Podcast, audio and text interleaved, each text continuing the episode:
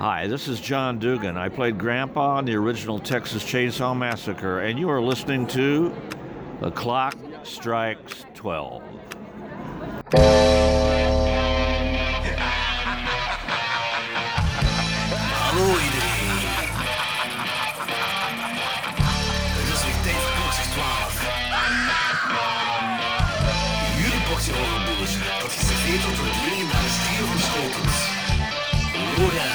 Wat? Ik kan me zelfs niet een beetje herinneren. Danny Ja, fuck die, fuck die mensen. en Jordi.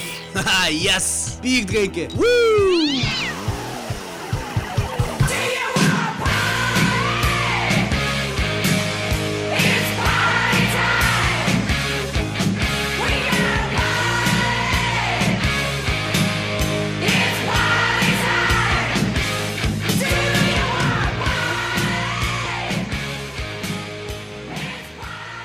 Zo beste luisteraars. Welkom bij Klokzeg 12. Wij zijn wederom alle drie bij elkaar. Lucas en Danny, what up? Ver- verbonden door, het, door de magie van het internet. Ja. Eh, we gaan proberen hier zo snel mogelijk doorheen te gaan, want eh, ja, Danny, jij kunt elk moment vader worden. Ja, want dat gaat plots nu gebeuren zo. Ja, Ja, ik- Eh, ik we- weet- week- weken aan het wachten, maar nu gaat dat plots gebeuren. Wanneer is hem uitgerekend? 1 februari. Ah, Alright. wow, Ik- we hebben nog twee dagen tijd om te podcasten. Voilà. Ik beeld me eigenlijk in dat Sofie al gewoon... komt echt knal op de dag, hè. Dat is zo, uit- als je uitrekent, wordt het echt knal op die dag, hè. Ik beeld me ook gewoon in dat Sofie er al drie weken gewoon ligt, klaar om te baren. Oké. Ehm, Oké, de Italiaanse horrormaand is achter de rug. En we gaan in november gaan we een tweede IHM doen. Of Italiaanse horrormaand. Hebben, we eigenlijk, eh, weet, je- hebben jullie een betere naam voor Italiaanse horrormaand? Iets wat beter over de tong rolt? Eh, Italian Stallion something. Daar, moet, daar, moet, daar Iets, is met- iets met te pasta doen. of spaghetti. Alle clichés erdoor jagen. Eh, ja, oké, dus heb je een naam? Nee. Nee, oké.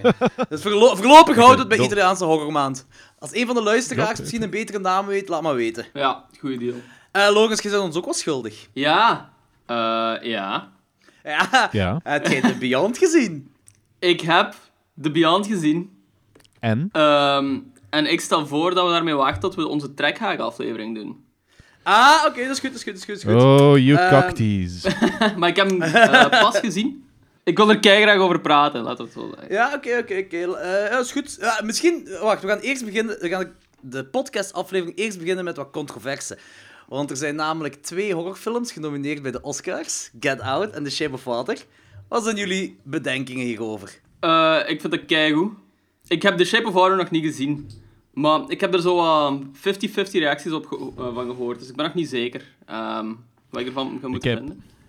Ik heb eh, gisteren gelezen dat een of andere dude eh, Del Toro wil beschuldigd van plagiaat, omdat er ergens in de jaren 60 een of ander onbekend kut ehm, theater is geweest, waar dat een conciërge verliefd is geworden op de dolfijn en dat zou een rip-off, of dat zou nu geript zijn door Del Toro en daarom gaat hij aanklagen. Ja, maar dat is ook zo'n Nederlandse kortfilm geweest, hè? Ja, inderdaad. Zo, Ja, er zijn er nu al twee die zo... Maar uiteindelijk, Ja. is, uiteindelijk heeft Del Toro Ja. gewoon een heel bekend verhaal genomen. Dus ja, natuurlijk is al meerdere keren die structuur overgenomen. Dus ik, zou, Inderdaad. ik zou het niet direct plagiaat noemen of, of gekopieerd of, of whatever. Zo. Dit is, dit is Ja, maar die mensen, die mensen vinden dat dat plagiaat is. Die hebben dat, die hebben dat eerst gedaan. Bedoel, dat, is, dat zijn van die dingen die zijn gebaseerd op archetypes en dergelijke, maar zij hebben dat eerst gedaan. Ik moet Ja. wel zeggen, ik vind het raar dat zowel Get Out en Shape of Water, dat die genomineerd zijn voor Best Original Screenplay. Ik heb Shape of Water ook nog niet gezien, maar eh, hoe origineel moet de screenplay zijn? Want beide zijn niet super origineel. Dat heb ik mij al Nee. vaak afgevraagd over die categorie, want vaak zijn er ook zo ehm, losse verfilmingen die daardoor op genomineerd worden. Dus ik weet ook niet hoe dat, wat de criteria is voor Oscars, maar... Niet, niet zo heel original origineel. is- Ja, is, is- ik, ik, ik stel me gewoon geen vragen bij wat... Los van het feit wat, wat ik van Get Out vind, maar zo gewoon het hele concept van Oscars... pff, Dat heeft voor mij evenveel waarde als pak ehm Eurosong Festival. Voor mij is dat gewoon een of ander politiek spelletje. Dat is ook waarschijnlijk zo. Dat Maar- is waarschijnlijk zo, ja. Maar het, het is, hierdoor kan wel horror meer eh, mainstream, meer aandacht krijgen. Waardoor er meer, Inderdaad, budget, meer budget kan, eh, kan worden losgemaakt voor horrorfilms. Oh ja, tenzij ze. Get Out een drama gaan noemen en Shape of Water een, een romantische film of zo. Ja. Maar in principe zit dan een beetje gelijk eh, Lordi die eh, Eurosong wint. En ja, dat is ook niet een succes gebleken voor de metal, na- bleek naar de rand. Maar... Ja, Lordi was ook gewoon heel, heel, heel slecht. Ja, There you go. Eh, Oké, voordat we de trekkerronde ingaan, we hebben een mail gekregen. We hebben een mail gehad van Filip van der Elst. Filip van der Elst zegt... Heren, ik heb een inhoudelijke vraag voor jullie.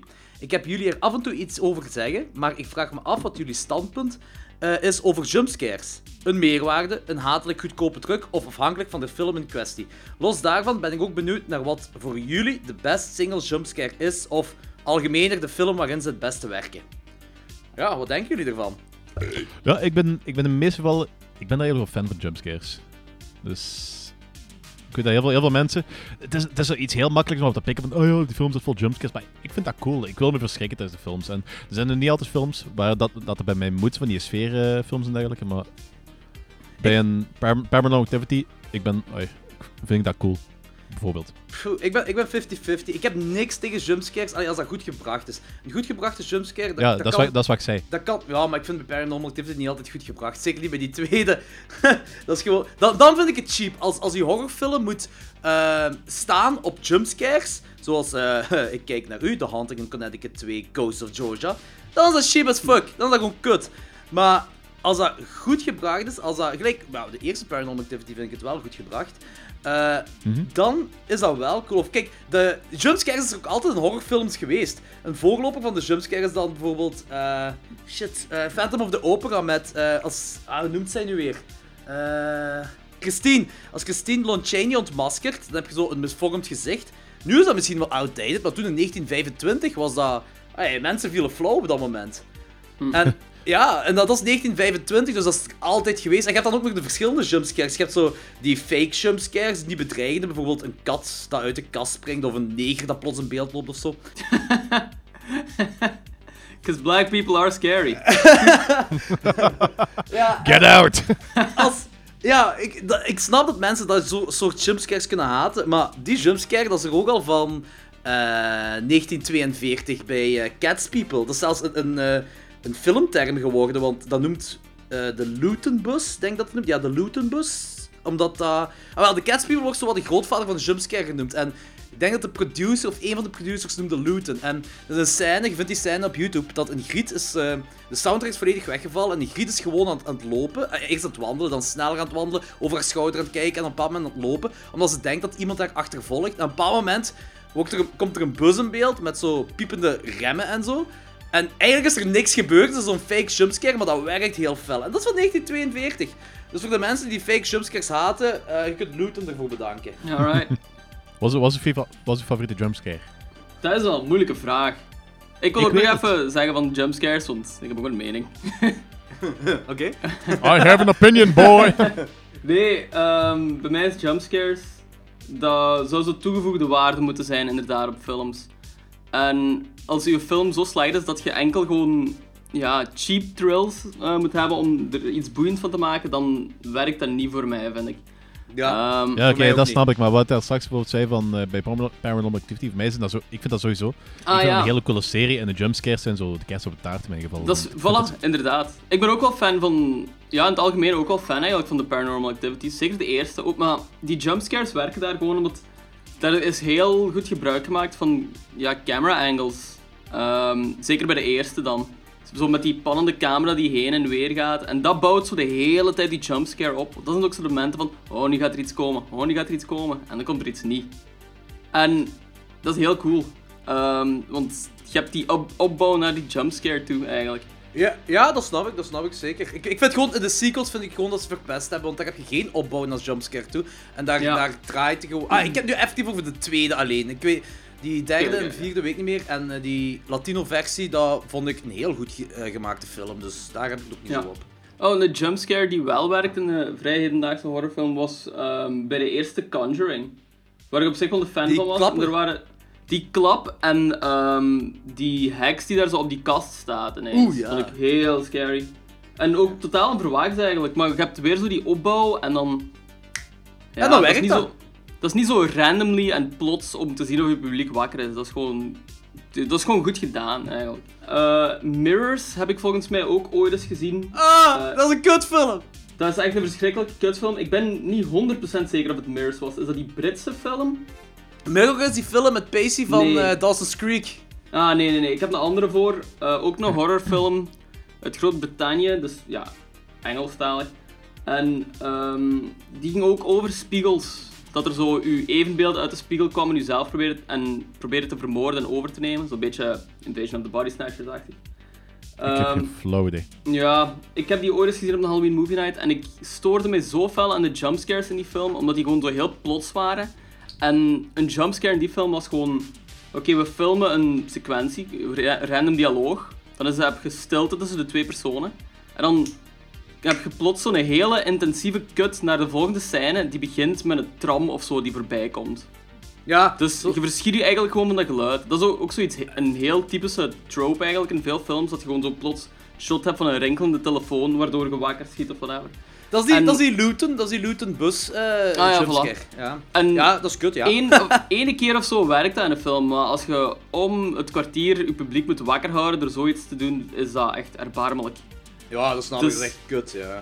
Ik, heb, Ja. eh, ik heb niet één favoriete jumpscare. Er zijn er altijd, er zijn er denk ik vier of vijf die me altijd zijn bijgebleven. Eh, ja, oké, je hebt dan de, de bekendste is Carrie waarschijnlijk. Dat is zo, denk ik, de moeder van de jumpscare, van de moderne jumpscare. Zo helemaal plaatsen wanneer...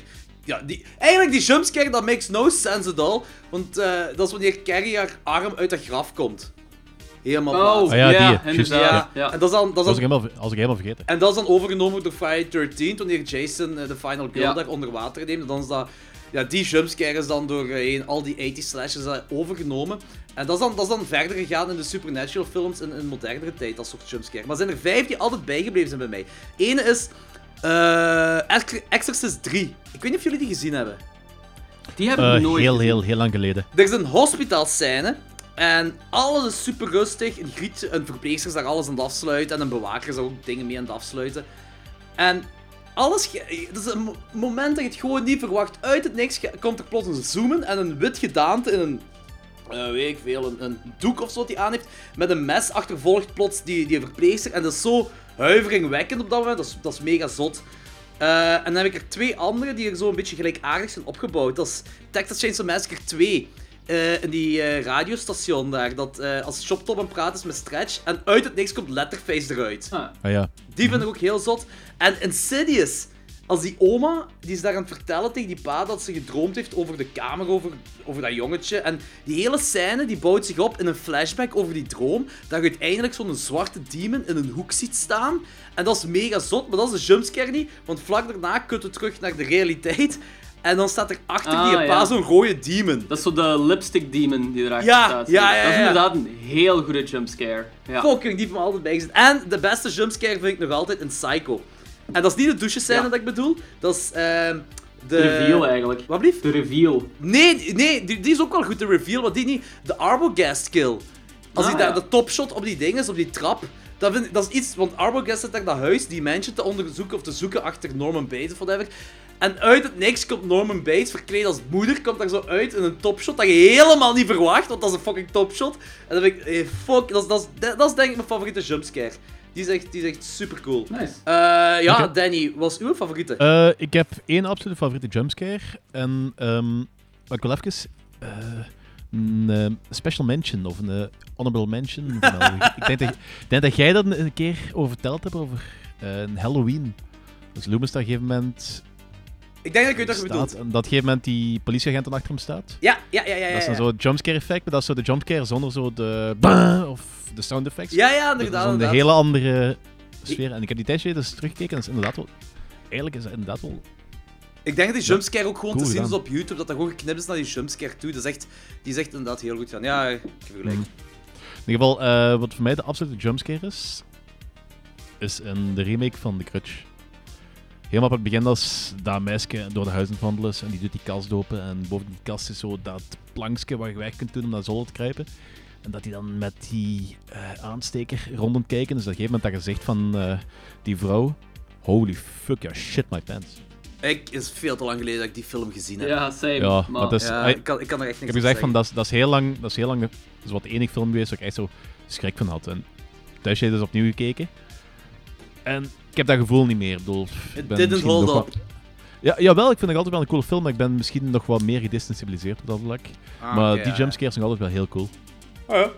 En eh Logans, Alright. heb jij een favoriet? Eh, ik ben ook zo'n denken. ehm wacht, mijn honorable mentions zijn eigenlijk dingen die jij ook al vermeld hebt. eh, waar ik zo nu aan de top of my head kan opkomen. Die van Insidious vond ik super cool eigenlijk. En die van The Conjuring vond ik ook te gek. Ja. Maar mijn ehm, echte favorite is ook van mijn, een van mijn favoriete films aller tijden, van eh, The Thing.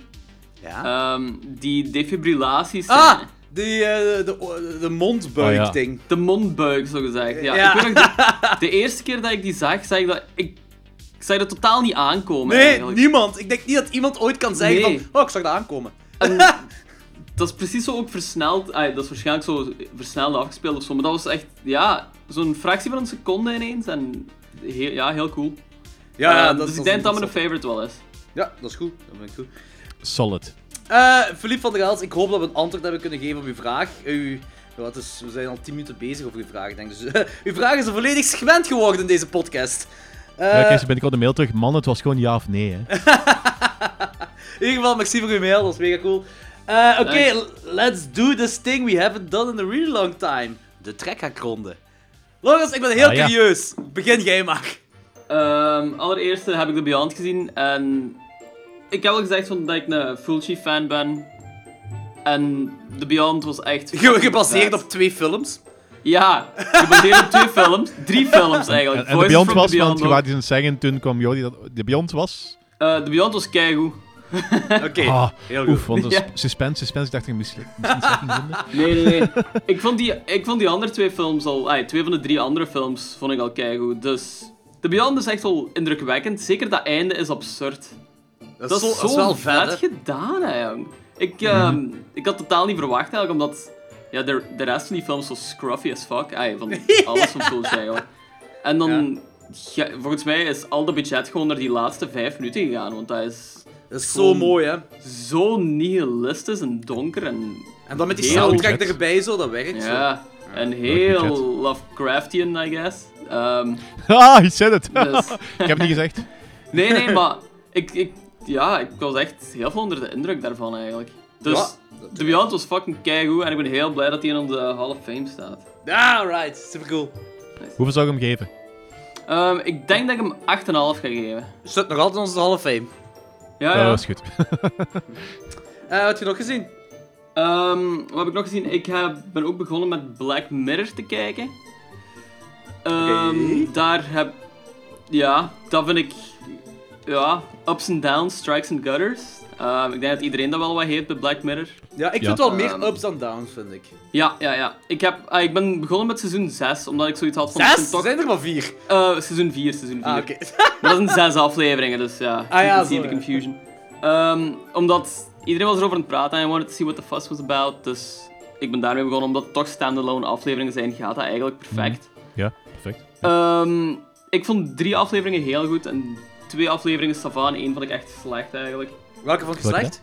Ehm, die Archangel aflevering vond ik slecht. Ik vond, Wel, ik, vond die, ik vond die eigenlijk nog wel cool, want dat is momenteel ook zo een van de meest realistische. Hè? Ja, een voilà. van de, ik vond dat idee vond ik meest goed, nabij. Maar ik vond de uitvoering... Dat is zo, Jodie Foster heeft die aflevering ook geregisseerd. Ja, ja, ja. ja. Ehm, ik vond het idee vond ik goed, maar Jo- ik en Jordi, we, eh, we hebben het daar al eens over gehad. Je kunt moeilijk een andere kant op gaan, ook bij dat verhaal.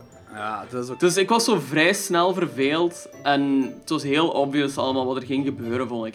Dus daarom vond ik die aflevering minder goed. Ja, dat snap ik wel. Het is, ook, het is inderdaad zo. Je kon, die aflevering kon je niet... Je kon die niet anders laten... Ja, je kon die misschien Mhm. iets anders laten eindigen, maar het concept van het verhaal kon, kun je niet veranderen als je, als je dat idee neemt. Ja? Dat vind ik ook wel het minste van, van heel, heel Black Mirror. Eigenlijk vind ik dat het minste. Ah, serieus? Ja, Ja, oké. Die dinges aflevering vond ik wel heel goed, van het laatste seizoen. Ehm Crocodile. Crocodile vond ik heel cool. En die dingen... Fucking, pizza, fucking Pizza Hut heeft die pizzawagens, hè? Of die gaan Ja. het toch doen of zo? What the fuck? Ja, ja, ja. Uh, Crocodile is met, is met, die, met dat geheugen, of wat? Ja, ja, ja, ja, inderdaad. Ja. Met de geheugen, ja. En vond ik ehm, eigenlijk de beste aflevering vond ik de eerste aflevering van seizoen 6. Welke Eh, die dat sci-fi aflevering. Oh ja, die was cool. Die vond was ik echt fantastisch. Die vond ik echt super goed. Dus ik was, dat was de eerste er alleen- aflevering ook die ik zag van Black Mirror, dus ik was direct mee wel eigenlijk. Ik heb er alleen één heel groot probleem mee met die aflevering. Mhm. En dat ligt dan weer zo in the realm of science. Maar dat ze zo eh, doen alsof dat die software eigenlijk effectief een bewustzijn heeft, terwijl dat, dat gewoon codes wat uitgevoerd wordt. Dat heeft geen bewustzijn. Maar dat wordt zo uitgebeeld alsof dat, dat effectief sentient beings in de machine zijn, maar dat is niet. Zo ver heb ik er niet over nagedacht. Nee, Ja, ik wel. Eh, zeker, zeker omdat, eh, op, omdat ehm, eh, die link met, met accurate wetenschap bij Black Mirror is op zich vrij, vrij groot. Want ze pro- ze proberen dingen zo realistisch mogelijk uit te beelden, hoe dat het effectief zou kunnen zijn. En dat is ook zo... eh, het ding is futurism.com of .net of ja, futurism. Heeft ook zo Futurama. een paar artikels... Nee, futurism. Die, futurism, een website die over ehm, wetenschappelijke over, uit, over uitvindingen en wetenschappelijke shizzle gaat en dergelijke. En die hebben zo eh, vijf of zes artikels gedaan over elke aflevering, één of bijna elke aflevering. Ik denk niet dat ze elke aflevering gecoverd hebben. Over eh, op welke termijn dat die technologie mogelijk zou kunnen zijn. En Ah ja, al juist. binnen, Dat de- heb je sommige al binnen tien jaar, twee of drie afleveringen binnen, twee afleveringen binnen eh, in de jaren 30. Eentje in de jaren 50 en eentje in de jaren 70 of zo. En, Ja. Maar dan, dan vind ik wel jammer dat ze hebben dat ook aangekaart van ja, maar die, die, die software die is niet sentient. We weten momenteel nog niet wat dat eh, Hm. bewustzijn is, dus we gaan dat ook niet kunnen creëren op dat vlak. Zeker. Dus. Ja, maar langs de andere kant, ai, ik weet, het, het wil heel cool. heel, het, wil, het wil heel dicht bij de realiteit gaan, maar het is nog altijd fictief. Dus als ze daar nog iets fictief bij doen, ik heb daar geen problemen mee. Nee, ik ook niet Ja, oké, zoals wel. Ik vind, mijn favoriet van die, van die seizoen is de laatste aflevering. Die, The eh, Black dan- Museum? Ja, Ja. die vond Dat ik echt ook cool. heel cool. Die vond ik echt heel De Black Museum. Ja, die vond, ik, die vond ik cool, maar ik had er meer van verwacht. Ik had verwacht dat dat meer zo een anthology-achtig iets ging zijn. Dat was toch Anthology? Ja, op... Dat was, Ja, dat was- puur Anthology eigenlijk. Ja, maar er, er waren, er waren twee, Letterlijk Anthology! ja, maar er waren, er waren twee verhaaltjes of zo wat ze erin vertelden. Ik had, zo, ik had er meer van verwacht. Ik had, Drie. Denk ja. ik. Ja. Ik had verwacht dat ze echt zo... Echt van die hele korte verhaaltjes en die korte segmentjes gingen doen. Maar dat is waar ik zo een eh, previews had ver- begrepen. Ah, Ah, nee, dat maar dit is- dit is- Ik vond de verhalen op zich niet zo... Jij wou meer sequenties tof, maar- eigenlijk. Ja, ik vond, maar ik vond de verhaaltjes ook tof, maar niet Ja. zo tof als ik had verwacht. Ik vond het cool, Ik- vooral omdat dat Full Circle kwam plaatsen. Ah ja. Die, Ja, die ook laatste aflevering. Ik vond de Dinges-aflevering vond ik ook heel goed. Ehm, de Hang the DJ-aflevering van het datingprogramma vond ik ook heel goed. Dat dat zo niet dystopisch eh ja, eindigt eigenlijk. Ja, ja, ja. Ik vond het wel... dat is toch met die algoritmes, hè? Ja, ja. Ik vond dat verfrissend, want de rest is echt... De rest van Black Mirror is echt heel deprimerend. Dat Dus ik was blij dat er zo wel eens een pick-me-up nog in zat. Maar ja, het is... Heb Ja, je de eerste aflevering van het eerste seizoen gezien? Ja, eh, wel. ehm, ja, daar wou ik eh, nog eh, op terugkomen. Het eerste seizoen heb ik ook gezien, na het vierde seizoen dus. En Ja. iedereen zegt van de eerste aflevering is compleet anders dan de rest van, het Ja, maar dat is ook van omdat- de serie. Omdat dat is de enige aflevering, dat is, die is super atypisch, want dat is de enige aflevering die zich in de, in eh, de present day afspeelt. Met technologie wat nu bestaat. Ik vond dat oprecht de beste aflevering van Black Mirror dat ik al gezien heb ook. Ja, ik vond die ook Dat ook heel heel, dat is Ik- ook een heel goede aflevering. vond die, ik zo- vond die eh, echt fantastisch. Die was zo hard. hè. En ik vind dat ze heel goed zo spelen met het verwachtingspatroon van hedendaagse mensen, inderdaad. Mhm. Want, Ja, ja. Ehm, iedereen zegt zoiets van, oh ja, die shit moet ik zien, want dat is zoiets fucked up en zo. En dan kijk Ja. ernaar en iedereen Dus is ik- gewoon aan het walgen. Ai, ik vind dat dat ook een zo- van de betere, ja. ik vond de boodschap echt heel goed, want je hebt zo het internet waarin je zo beschikt over alles. Je kunt letterlijk alles zien wat je wilt. ja. En dat is... Ja, dat is niet altijd goed. Maar het is ook wel de meest atypische aflevering van heel Black Mirror. Omdat het hedendaags is. Ja, ja, en en, omdat en, dan, en dan omdat er ook niks is van eh, futuristische technologie. Ja. Dat is hetgene wat dat eh, Black Ja. Mirror voor bekend staat. Het is allemaal Ja. zo... ehm, ja, sowieso vrij... beetje dystopisch. een beetje. Ja, oké, niet elke aflevering is echt super dystopisch. Nee, sommige ja. dingen zijn gewoon technologie wat een beetje Hm. slecht gaat. En niet gewoon volledige maatschappijen die gewoon naar de kak zijn over eh 50 Ja. jaar. Ja, ja oké, dat is wel waar. Ja. Maar die aflevering vond ik echt geweldig goed eigenlijk.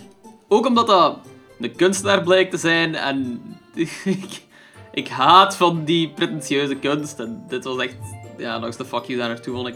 Dus, ja. Hetgeen wat ik niet snap aan die aflevering is waarom de vrouw van die premier op laatste nog kwaad is op die premier. Dat vond ik ook een beetje jammer.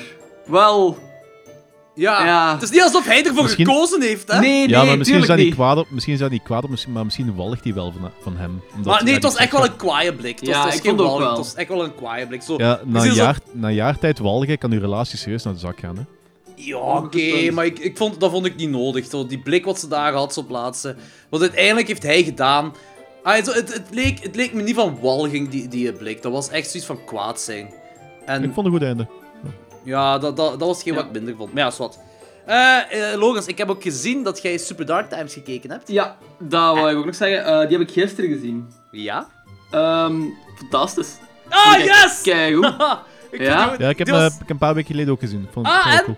Ja? Ik vond hem cool. Ja. Oh, Oké, Ja. cool. Iets meer van verwacht, maar ik vond hem cool. Ja, oké. Ik Ja. ehm, vond het heel sterk hoe ze er zo echt in slagen om op een heel realistische manier zo die jongeren weer te geven. Ehm, die zijn zo 14 jaar en die voelen zo heel echt aan, heel realistisch, hoe dat die praten en hoe dat die doen bij elkaar. En die zijn echt heel herkenbaar als personage, vind ik. Ehm, ja, dus, eh, ook, en- ook zo, ook zo dat, eh, die ene wat daar zo eh, gespiest wordt. Ja, ja. Er is, er is bijna... Op elke school heeft wel zo één dude die zo is. Ja, Ja. ja, dat is ook... Zo, dat is zo ook- een beetje chubby. Ja. Ik moet compenseren. heel irritant, maar je, je hebt er ergens zo'n ja. beetje medelijden mee. Hetzelfde personage als die van Mean Creek. Ja, voilà. Het is, Ja. het is hetzelfde concept, ook een beetje. Niet Ja, ja, ja, ja, ja, ja dat is nee, maar, Mean Creek, maar het is- ik had het er ook mee wel vergeleken. Ja. Ja, want ik dacht eerst van, oh, dit is zo'n minikriegachtig. En toen dacht ik van, ah, dit is zo'n 1922-achtig. Ja, ja. Maar Ja. ik, ehm I, I was wrong. Ja, Want- nee, maar ik vergelijk hem ook wel met Meek. Ah, ik vergelijk, dus ik vind, dat, kun je perfect, dat heb ik ook gezegd in onze top 12 aflevering. Van, Ja. Het heeft wel weg van Mean Creek, want de 90s, maar gewoon iets zotter. Ah, ik weet niet hoe ik het Ja. anders moet zeggen zonder te spoilen.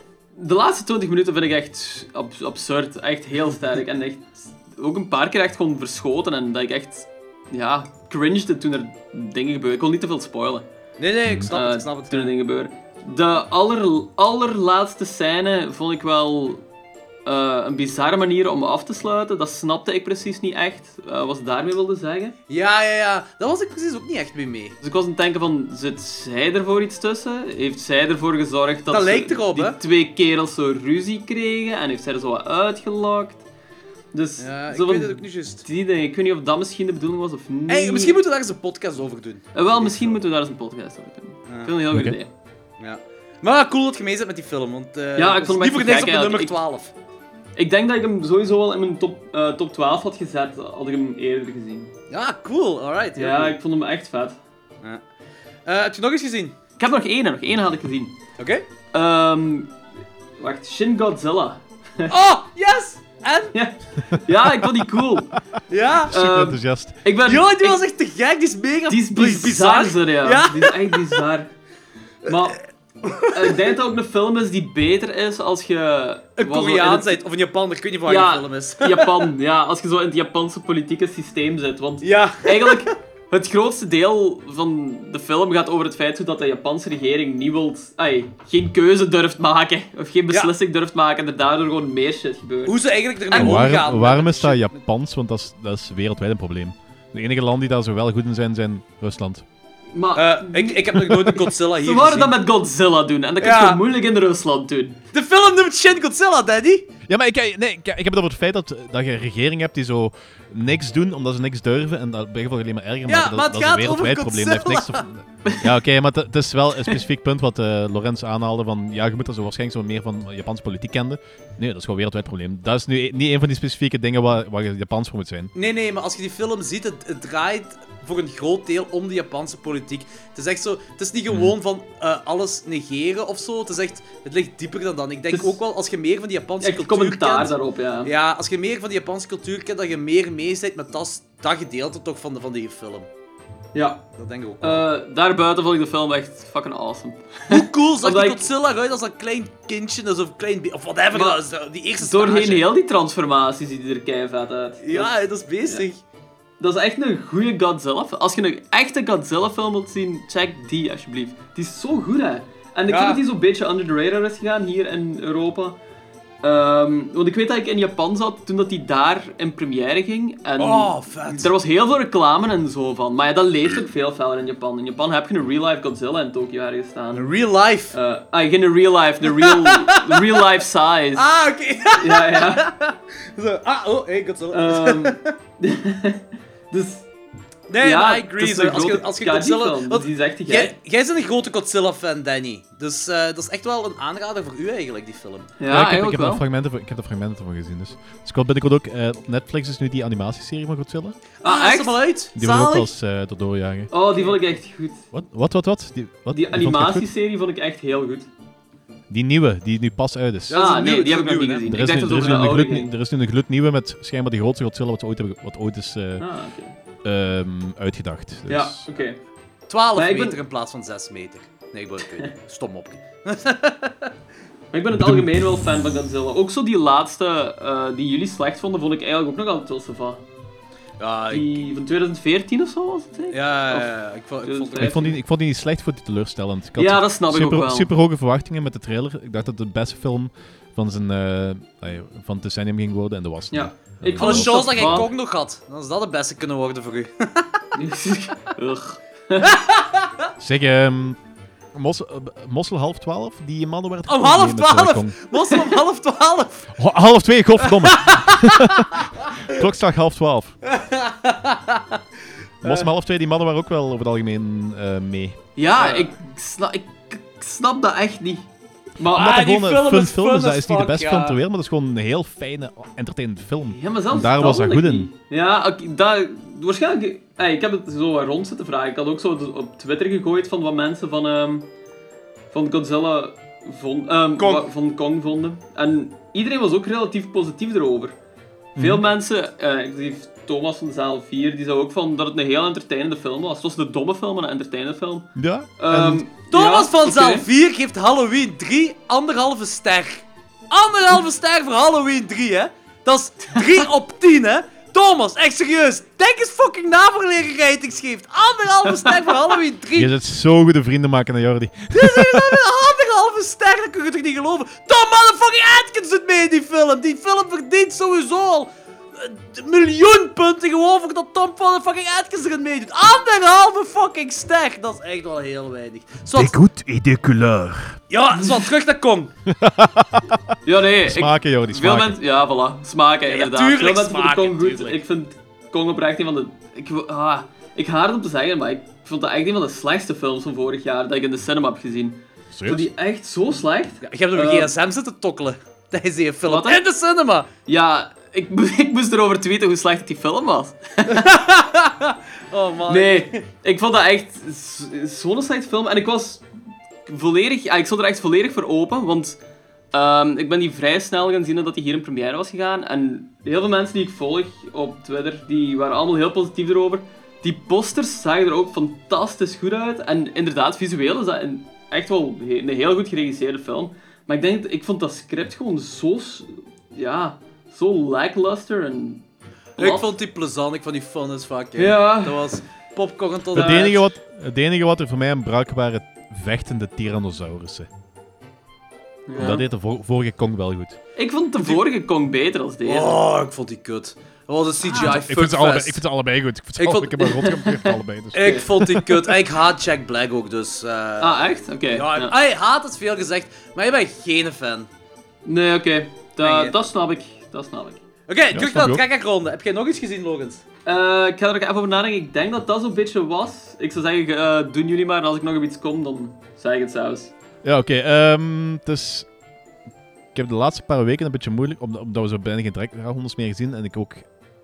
Pff, omdat we bijna geen trekkraakrondes meer hebben gedaan en omdat ik ook heel weinig tijd heb gehad, heb ik zo niet echt een lijstje bijgehouden, maar het is... Ik heb ook bijna niet superveel gezien, dus ik denk zes films op de afgelopen twee, drie maanden of zo, buiten hetgene wat we dat moesten zien, Ja. Ja. qua horror. Eh, in ieder geval, ik heb wel... Toen die 2017, voor 2017 afgerond heb ik een paar films gezien. Creep 2, maar die hebben we al besproken. Ja? Gracefield Incident, Hm. maar die hebben we ook al besproken. Ja. Phoenix Forgotten, die hebben we ook al besproken. Alle drie vond ik heel coole films. Ehm, ik had Forbidden Zone gekeken. Ik, verwachtte, ik had verwacht dat dat zo een of andere uh, zo wat horrorish ging zijn, maar dat is gewoon ehm, rare, fucked up, ik doe veel te veel drugs, science fiction, alternate, alternate dimensie, musical, crap. Is Met Danny Elfman die soundtrack doet. Eh, ja, raar. Danny Elfman die soundtrack doet, dat is raar. 6.9 op IMDb. Ehm Danny de rest? Elfman. Ja. Wie is dat weer? Dat is die eh, van, eh, dat soundtrack dude van alles. van Tim, Tim Burton. Tim Burton. Ah, right, en, right, right, en The. Simpsons. Ja, ja, ja. Oké, en eh sindsdien ben ik, ik ben nu sinds vorige week begonnen aan mijn 1983 eh check-ups. Ah, cool. Eh, nog niet te veel zeggen, maar zeg maar gewoon welke je gezien hebt. Nou, ik, ik heb nu ehm een Duitse film Angst, eh, eh, eh, Yes! aka Fear. Ja. Ja, ook, ja, bijvoorbeeld. Wat was dat, hè? Het is toch beestig, niet? Ja, die, die is goed, maar die is echt wel fucked up. Ja, ja, ja, ja. ja. Dat, dat, dat, dat, dat is zo een beetje... Dat is misschien... Doe doet me een beetje denken aan de Duitse versie van Poughkeepsie tapes. tapes. Ja, die heb ik nooit gezien, dus dat kan ik niet zeggen. Ja, maar dan zo... Qua grime... Qua grimmigheid en dergelijke. Dus Het is een hele echt wel- vuile film, hè. Ja, inderdaad. Ja. En ehm, ja, ik heb Disney horror gezien. Wat was dit? Something Wicked This Way Comes. Ah, Ah, wow, ja. die, vond ik, die vond ik niet goed. Ik vond die, echt- vond die echt heel fijn. Ik vond die een heel Echt? cool film eigenlijk. Echt, ja. Oh, ik was in Maar- slaap gevallen. Ik had die met Halloween wel- gezien en ik... ik, ben, ik ben ook zot van van die Disney shit. Dus dat, dat, is zo, dat is een vibe die ik echt wel kan hebben. Dus... Ja, maar ik normaal gezien ook. dus Ik was ook heel psyched om die te zien. Ik had die ook voor die reden in mijn Halloween roundup ge- gezet, maar ik Mhm. vond hem zo teleurstellend. Ik was, ja, ik was echt in slaap gevallen. Ik vond het echt jammer. Maar ja, misschien moet ik het nog Ja, een ik kansen geven. Ik was helemaal mee, dus eh, dat kan misschien nog wel mijn top 3 geraken. Dus. Oké, cool. Wat heb je nog gezien? Eh, en dat is hem momenteel eigenlijk. Ah, oké, cool. Ehm, ik ben ook aan mijn 1983 dingen begonnen. Ik heb eh, Psycho 2 gezien, Videodrome, eh, Sleepaway Camp, The House on Sorority Row, eh, The Twilight Zone, The Movie. En dan eh 2019, After the Fall of New York. Dus ik, heb, ik, heb, ik zit nu op zes films van 1983 en ik heb me rot geamuseerd bij die films. Ja, de meeste luisteraars, en jullie zullen het ook wel weten, Psycho 2 is een van mijn favoriete sequels. Dus de kans dat die in mijn top 10 gaat eindigen is heel groot. Hetzelfde gaat voor Videodrome. Aha. Hetzelfde gaat voor Sleepaway Camp.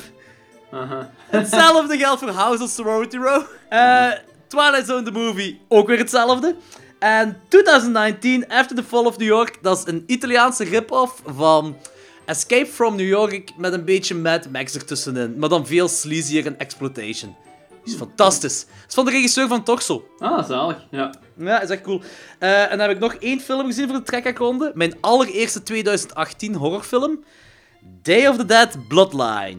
Ah ja, vertel daar eens over, want ik heb is kut. alleen maar... Ja. Die is kut. Yep. Die is echt Je was heel kut. enthousiast over de eerste paar minuten. De eerste paar minuten zijn fantastisch. Die zijn geniaal. Maar vanaf die eerste drie minuten, daarna plots gaat er echt een mega harde stroming naar beneden. Dat is abnormaal kut. Het is beter dan de 2008 remake, dat moet ik toegeven. 2008 remake van the Dead is nog slechter. Ja, maar die 2008 remake, dat is geen remake. van- Dat is geen remake, dat is gewoon een heel ander verhaal met dezelfde titel. Dat is geen remake. Ja, oké, daar heb je wel een punt, dat is wel waar. Eh, ja, deze, de eerste vijf minuten, die zijn... Ik ga nu niet zeggen perfect, maar die zijn zo plezant, dat is zo cool. Je hebt zombies on rampage, overal practical effects, heel veel gore. En dat is dus echt, ja... Dat is zo tijdens eh, een zombie-apocalypse dat dat allemaal gebeurt. Dus iedereen gaat kapot, zombies on. Dat is echt mega fucking cool. En heel, heel de rest van die film is kak. Dat is, ah, wel, dat is die gigantische kak uit Kuso. Day of the Dead remake is Kuzo-kak. Dat is echt... ah. Bub in deze film is een verkrachter. Oh ja, die had zo... Vooraleer dat die, ja, vooraleer die Bub wordt, ze laten eerst het verhaal Ah. zien. eh, vier jaar vooraleer alles begint eigenlijk. En dan heb je zo een, eh, een scientist, een grietje, en die wordt dan...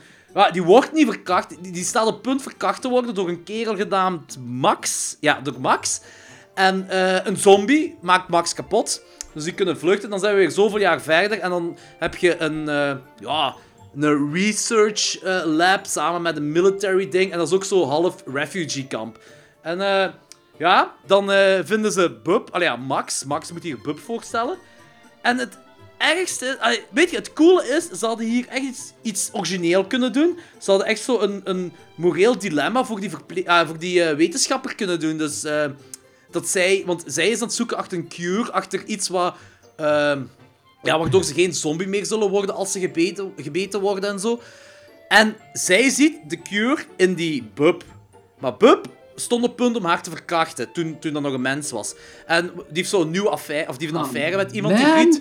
Ja, maar je moet denken, dus die heeft een affaire met die Griet. eh, die Griet heeft een affaire met iemand en... eh, die kunnen geen seks hebben. Op een bepaald moment, ja, ze willen seks hebben, maar het lukt niet omdat zij moet denken aan wanneer ze bijna verkracht werd. Ze werd niet eens verkracht. Ze werd, ah, ze werd zo aangevallen door Max. En eh, toen, werd. Max, toen werd Max aangevallen door een zombie. Dus dat, dat, was, dat heeft een traumatisch ding voor haar opgeleverd. Oké, en dat kan ik begrijpen.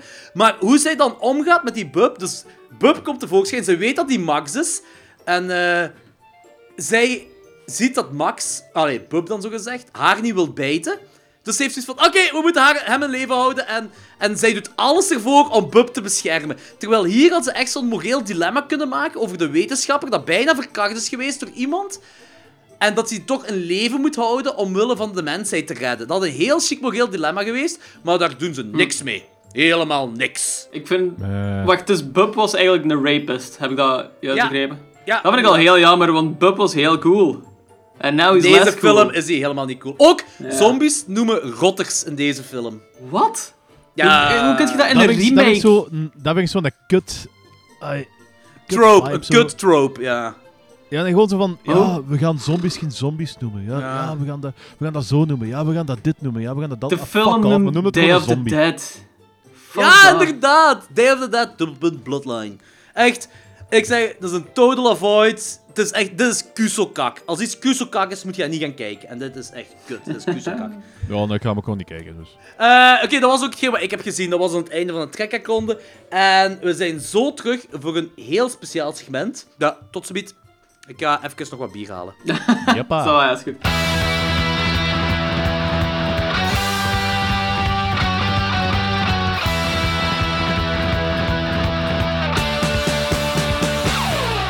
My father taught me five four time. On a, one Christmas, I got a pair of bongos for Christmas, and he taught me how to play. Da, da, da, then so I just rocked an octave. It was a really spare, little tiny theme. And then I put a, a bottom end to it. That was it.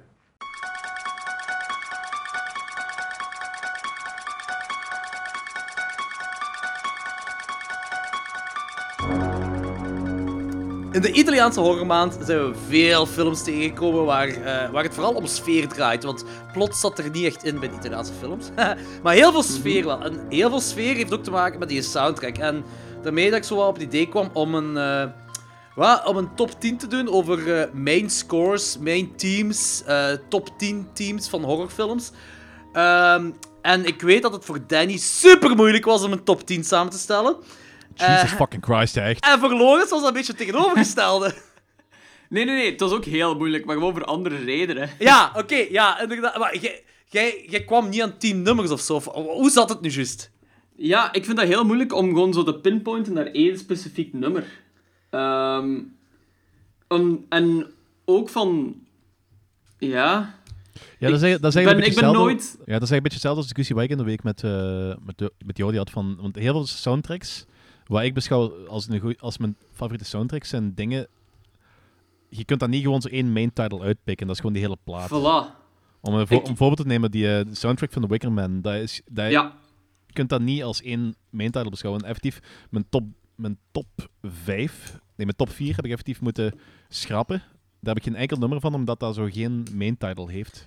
Ja, maar dat is dus... Dat is hetgeen wat ik dus zei, is dat is dus voor een andere aflevering dat we dan Mhm. echte soundtracks doen. Dus volledige soundtracks. Maar dat we nu gewoon de top 10 main teams, uh, main titles doen van films die dat wel hebben. En veel films hebben dat wel. En om, een, om een, dan een niet-horror voorbeeld te geven, bij Back to the Future is dat...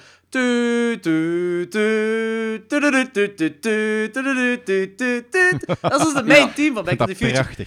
Ja, ik, dat vond ik ook.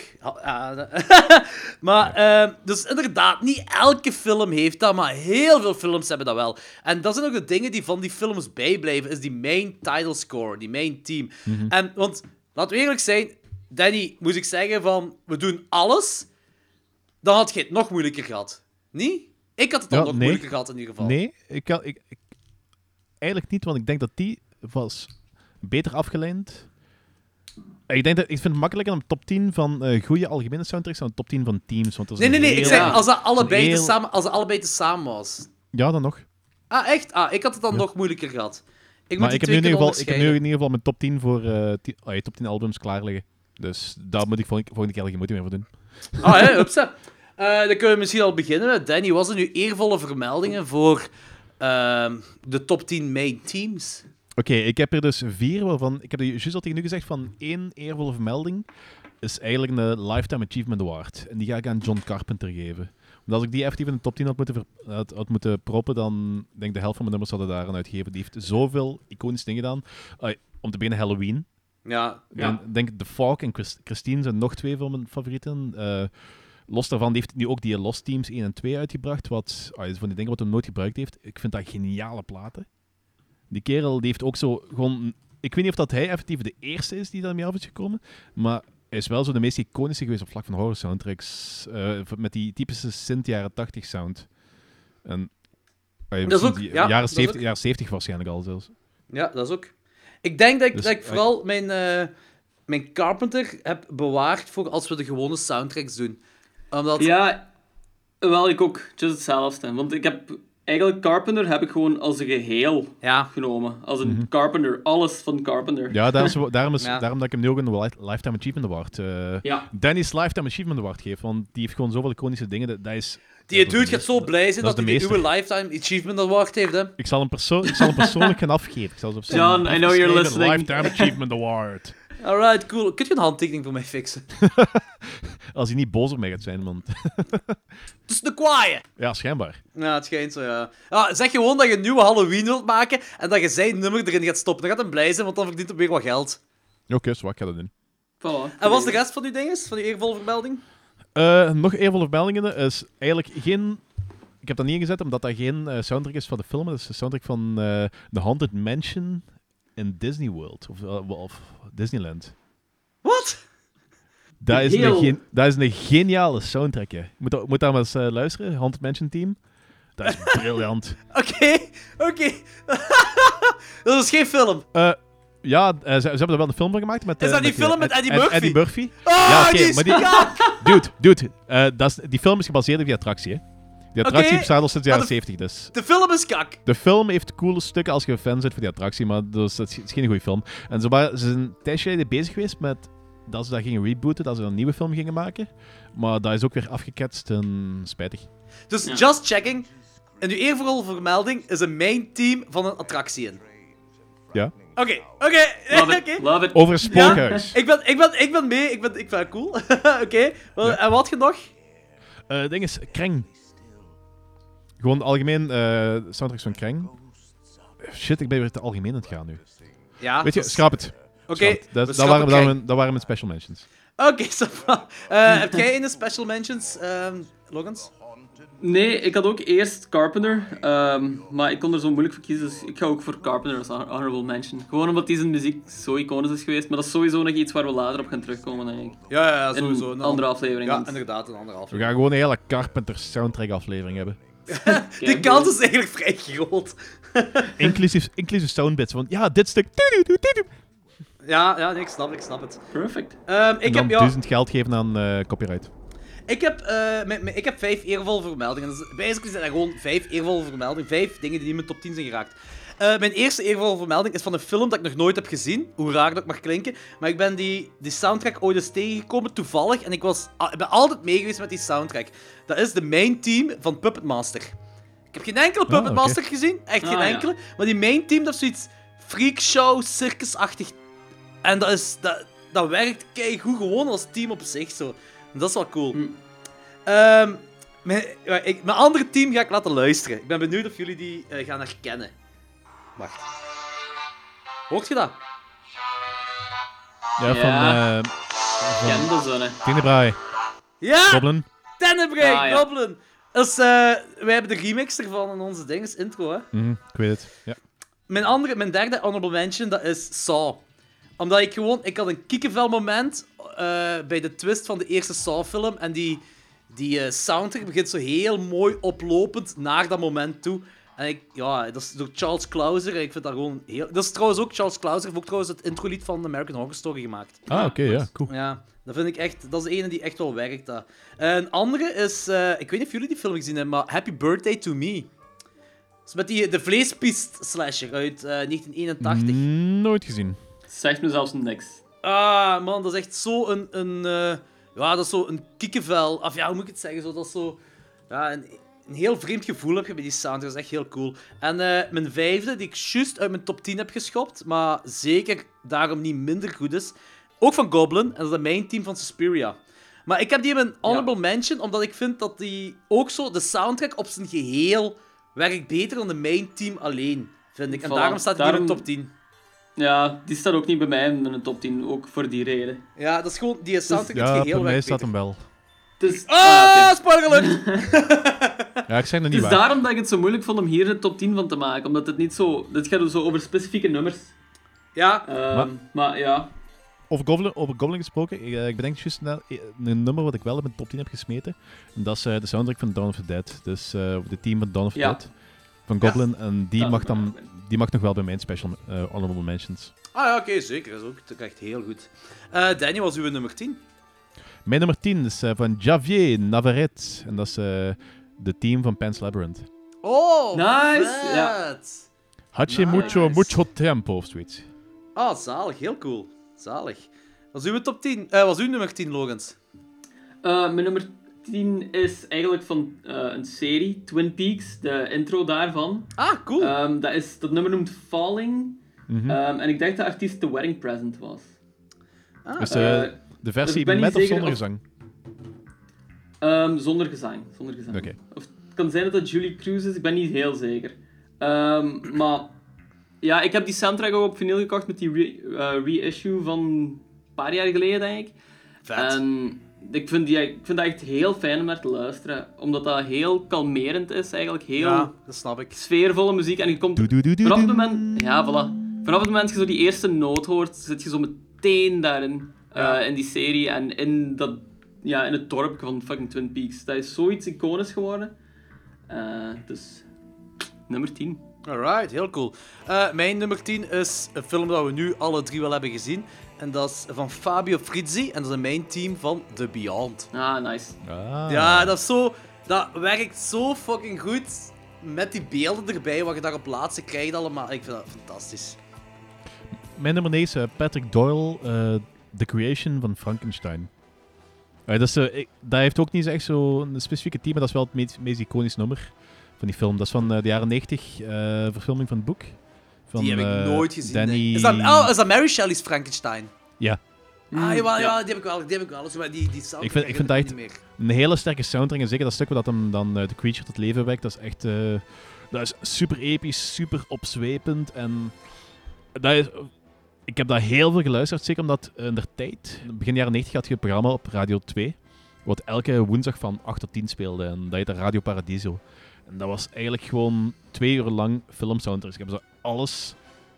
wat- Heel veel van die dingen waar ik momenteel super zot van ben, qua soundtracks van Jurassic Park tot eh, ja, deze ook, Nightmare for Christmas en dergelijke. Dat, en ik weet niet hoeveel andere Mm. horror soundtracks heb ik daar zo voor de aller- allereerste keer op geluisterd. Het was echt gewoon woensdag vet. om 8 uur radio op, eh zo'n cassetje oppakken en dat dan eh, twee uur ai, omdraaien na oeh, 45 minuten of wat was dat vroeger?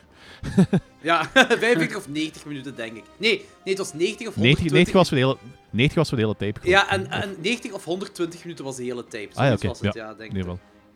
Ja, oké, cool. Heel coole keuze eigenlijk. Nice. Ja, inderdaad. Eh, en Logans?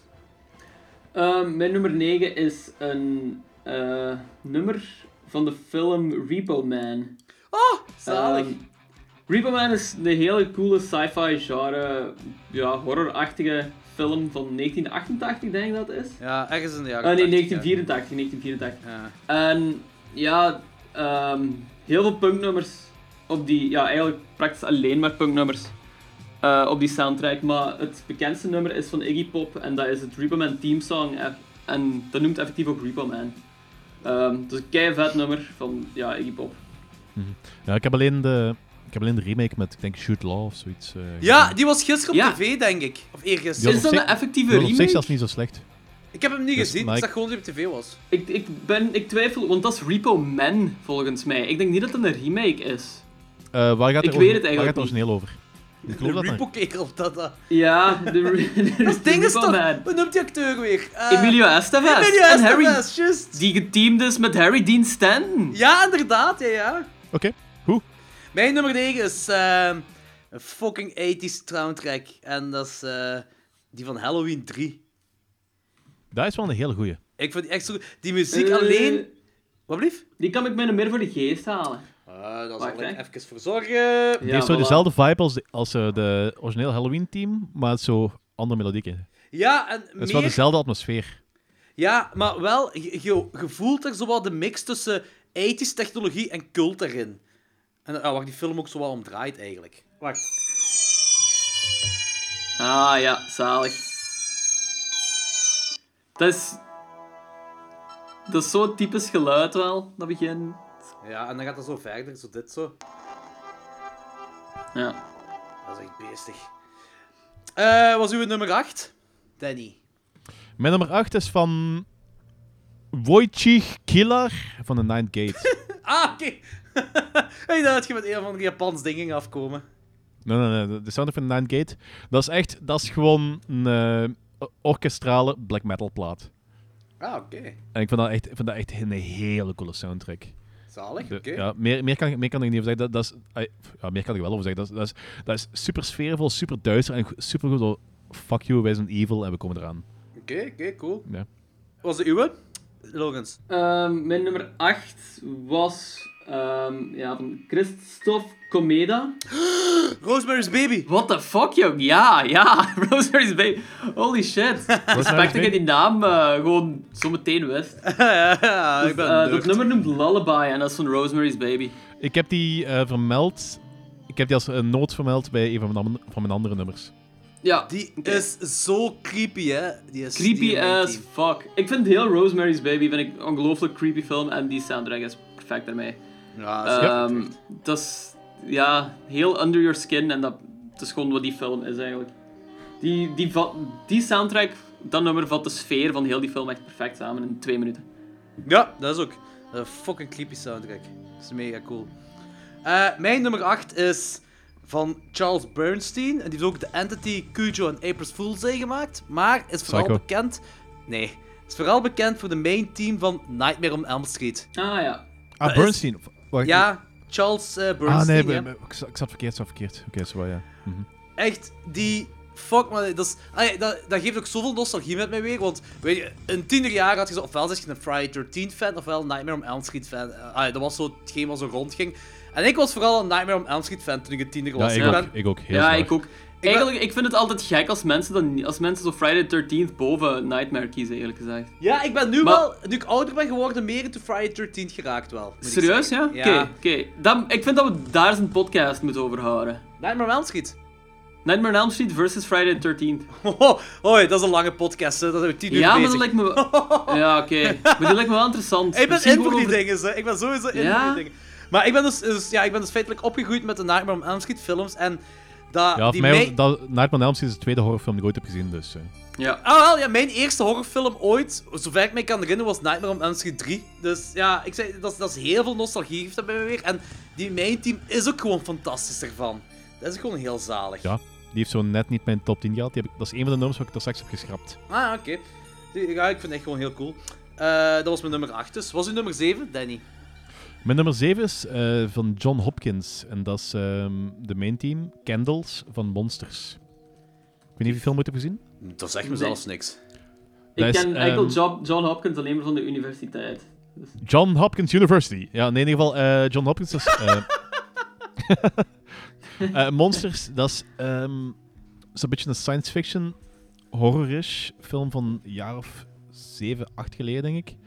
Of dat ergens in, ehm, dat er zijn ergens sporen van een of ander buitenaars ras op aarde terechtkomen op, op, de, op een stuk grond tussen de, tussen de Verenigde Staten en de Zuiders, eh, Zuid-Amerika.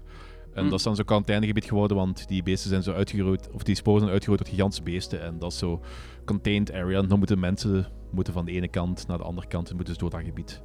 En dat is zo'n Oké. hele droevige film en een hele droevige soundtrack wat er ook bij zit. En ik vind het echt prachtig. Dat is, die John Hopkins, is een of andere... Ik denk dat hij daarvoor techno of electro maakte. Of nog altijd. En dat is eigenlijk zijn eerste soundtrack wat hij doet. En ik heb die kapot geluisterd. hè. Oké, Dus, cool. dat is een beetje atypisch, maar eh, voor mij is dat het, ik vind het echt wel een hele goede soundtrack. Oké, Ja. zalig. Ja, Logans? Ehm, ja, deze komt van de film die ik eigenlijk verschrikkelijk vind. Eh, maar Ik ben ook gegaan voor gewoon dingen dat me echt zijn bijgebleven. Ja, kom aan, zo zeker. slecht was Get Out niet hoor. Ja, not bad, not bad. I'll give you that. Ik ken het best film. Ehm, Child's Play, de soundtrack daarvan. Die is- Door... Die heeft juist mijn eervolle vermelding niet gehaald. Ah, echt? Ik vond Ah, de voilà. soundtrack ook heel goed. Die soundtrack is goed. Ehm, die film is eigenlijk ook goed, maar ik... Ja, dat was... Voor, ik denk echt de eerste horrorfilm dat ik ooit gezien heb. Child's Play 2 weliswaar. Ehm dus... Ja, dat is me altijd gewoon een beetje bijgebleven, omdat ik er zoveel schrik van had. Snap ik. Ehm, dus Ah, daarom nee, ik snap het niet verdient echt, hij... maar... De, soundtrack vind ik ook wel goed, daar niet van. Ja, ja, ja, zeker, zeker. Ik ga die test, Ehm, ik ga ik die denk nog dat de checken, artiest ik Joe. Renzetti is, daar ben ik niet heel zeker van. Joe Renzetti. Ja. Ah, oké. Ehm, ja. Fucking Child's Play, man. Mega cool. Eh, mijn nummer 7 is de main team van It Follows. Ah, Ah. nice. Ja, die staat er bij mij ook nog ergens in. Bij mij ook, bij mij ook. Alert. Ehm, ja, dus die soundtrack dat volgt echt de John, John Carpenter lijn heel hard, maar dat is toch nog een ding op zichzelf. En eh, Ja. dat vind ik heel cool. Ja, gewoon, ik kan niet veel over zeggen. Dat is een fantastische main team. Very 80s, heel cool. Was uw nummer 6, Danny? Eh, mijn nummer 6 is van een film die ik eigenlijk nog niet heb gezien. Eh, maar ik heb die soundtrack leren kennen omdat Electric Wizard heeft dat gecoverd. Ah, Dat is eh, Ah. een nummer van Acanthus en eh, van de film Le Frison de Vampire. de Zegt me Ehm, heel niks, maar ik ben wel benieuwd. Vampires. Moet dat- Ik weet niet. Bob. Ik weet, ik weet niet precies. Ik weet, ik weet de vertaling niet meer precies, maar in Frans is eh, niet echt om naar, over naar huis te schrijven. Maar dat is zo... In de jaren, de jaren 60 en jaren 70 hadden ze zo... Of vooral in de jaren 70 hadden ze de hoop van die soundtracks wat zo van- van die psychedelische rock afkwam. En dit is zo... zo Ja. dat, is, dat is een schoolvoorbeeld daarvan. Dat is echt wel een heel coole soundtrack. En Ah, en Electric Fan. Wizard heeft dat gecoverd. ja, een plaat of twee, drie geleden. Oké, Nice. cool. Cool. Was uw nummer 6, Logans? Ehm, nummer 6 is de team van Hellraiser. Ah, vet. Ah. Ik heb in de week trouwens eh, die soundtrack van Icon gemaakt. Die vond ik niet zo goed eigenlijk. Eh geluisterd, Ah. ik vond die niet zo goed. Ja, oké. Eh, ik de- vond hem wel de- vet. Die van Icon. Nee, niet van Icon, van Christopher Young is dat. Ja, maar het is, eh, Icon had zo'n alternatieve soundtrack gemaakt. Maar die is, Ah, die is nooit gebruikt, Ja, hè? Die was nooit gebruikt, hè? Ja, alternatief. Ja, Ja. het is nooit gebruikt, maar ik was er niet zo zot van. Maar Ja, de, originele, ik vind die heel cool. Heel Ja, atmosferisch. voilà. Ook omdat dat heel atmosferisch is en inderdaad zo perfect speelt met, ja, dat, dat is zo dat Beyond-vibe ook. Ay, dat is Hellraiser ook gewoon. Ja, ja, inderdaad. Ja, dat is ook... Dat, dat is super nihilistisch waar daarin voorkomt. Dat, ehm, hoe noemt je het weer, Danny? Dat, eh, dat is het woord dat ik zoek. Lovecraftian, right. ik was het. Goed gezegd, Ik heb het nog altijd niet gezegd. ik heb het nog altijd niet gezegd. Maar, Nee, eh, nee, nee, nice. Ehm, ja, en ik, ik vind Hellraiser ook gewoon een heel coole film in het algemeen. En die muziek, ja, dat sluit ook gewoon perfect aan met zo de wereld van Hellraiser. Dus- ja, maar, maar het is ook zo, het is ook zo'n stilte voor de storm soundtrack. Ja, Gelijk- inderdaad. Gelijk Silence of the Lambs ook zo heeft. Wat trouwens ook zo net niet in mijn top 10 is gera- geraakt trouwens. Mhm, mhm. Ja, die, ja, ja, ja oké. Oké, mijn nummer 6 is een soundtrack gemaakt uit alleen maar snaarinstrumenten. Dat is de soundtrack van Psycho. Ja, het staat op 6 bij u. Ja, ja, ja. ja. Mogelijk komt die ook nog in mijne voor. Dus. Oké, heel cool. Ja, dat is mijn nummer 6. Maar ik, mijn andere die hierna komen, samen met de Psycho soundtrack zijn, en samen met die van It Follows ook, zijn echt zo... Dat zijn denk ik toch wel zeven van mijn favoriete main teams, sowieso aller tijden. Dus dat is heel moeilijk om daar zo een top van te maken, maar... Ja, dit, die volgorde klopt toch net wel. Die Psycho soundtrack is zo fucking goed. Dus ja, Ja. ik, ik alleen maar respect voor. Eh was uw nummer 5? Was de, de eerste van uw top 5, Danny? Eh, de eerste van mijn top 5 is van John Harrison. Dat is, dat is de soundtrack van Creepshow. Ah, nice. Oh, vet! Ik vind eigenlijk dat... Ik vind eigenlijk dat... Ik, ik had vroeger... eh, toen- ik denk toen rond de jaar of 13, 14. Ik was... Oh, nog altijd, maar toen... ik had toen juist Stephen King leren kennen. En ik was, was echt zot van Stephen King. En ik was al die boeken aan het lezen, ik was al die films aan het bekijken. En... ah, ik ben nog altijd zot van die films trouwens. Hoe slecht dat ze ook mogen zijn. En, maar niet uit.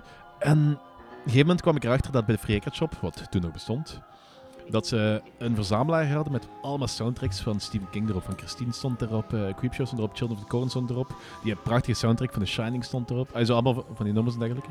Ja, ja, ja. En die Creepshow, dat is zo een van die dingen waar we altijd zo... Ik ben mijn kloten gepakt, die heb ik gewoon niet meer losgelaten.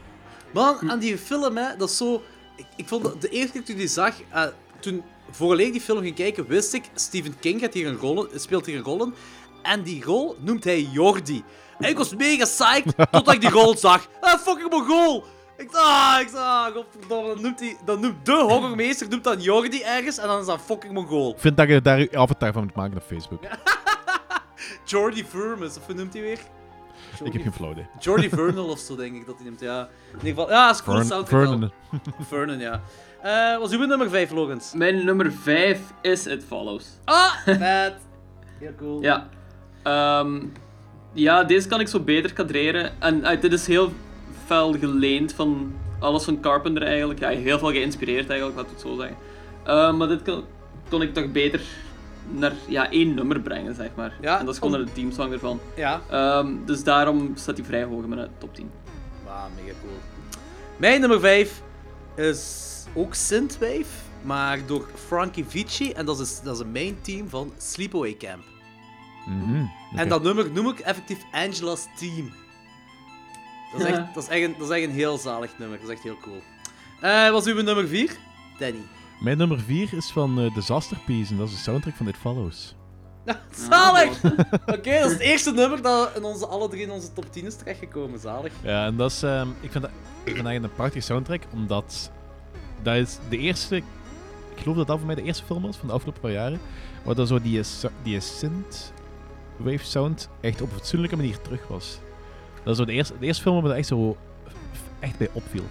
Ja, bij En mij was het de is ook, tweede Het is film. ook heel, heel goed gedaan. Ja, het is ook heel goed gedaan. Dat is ook. Dat is ook, dat is ook. Mhm. Ehm, ja, Logans, uw nummer 4? Eh, mijn, nummer, sorry, mijn nummer 4 is ehm, Tubular Bells. Oh, Exorcist! Oh fuck, die Exorcist. ben ik vergeten. Yes.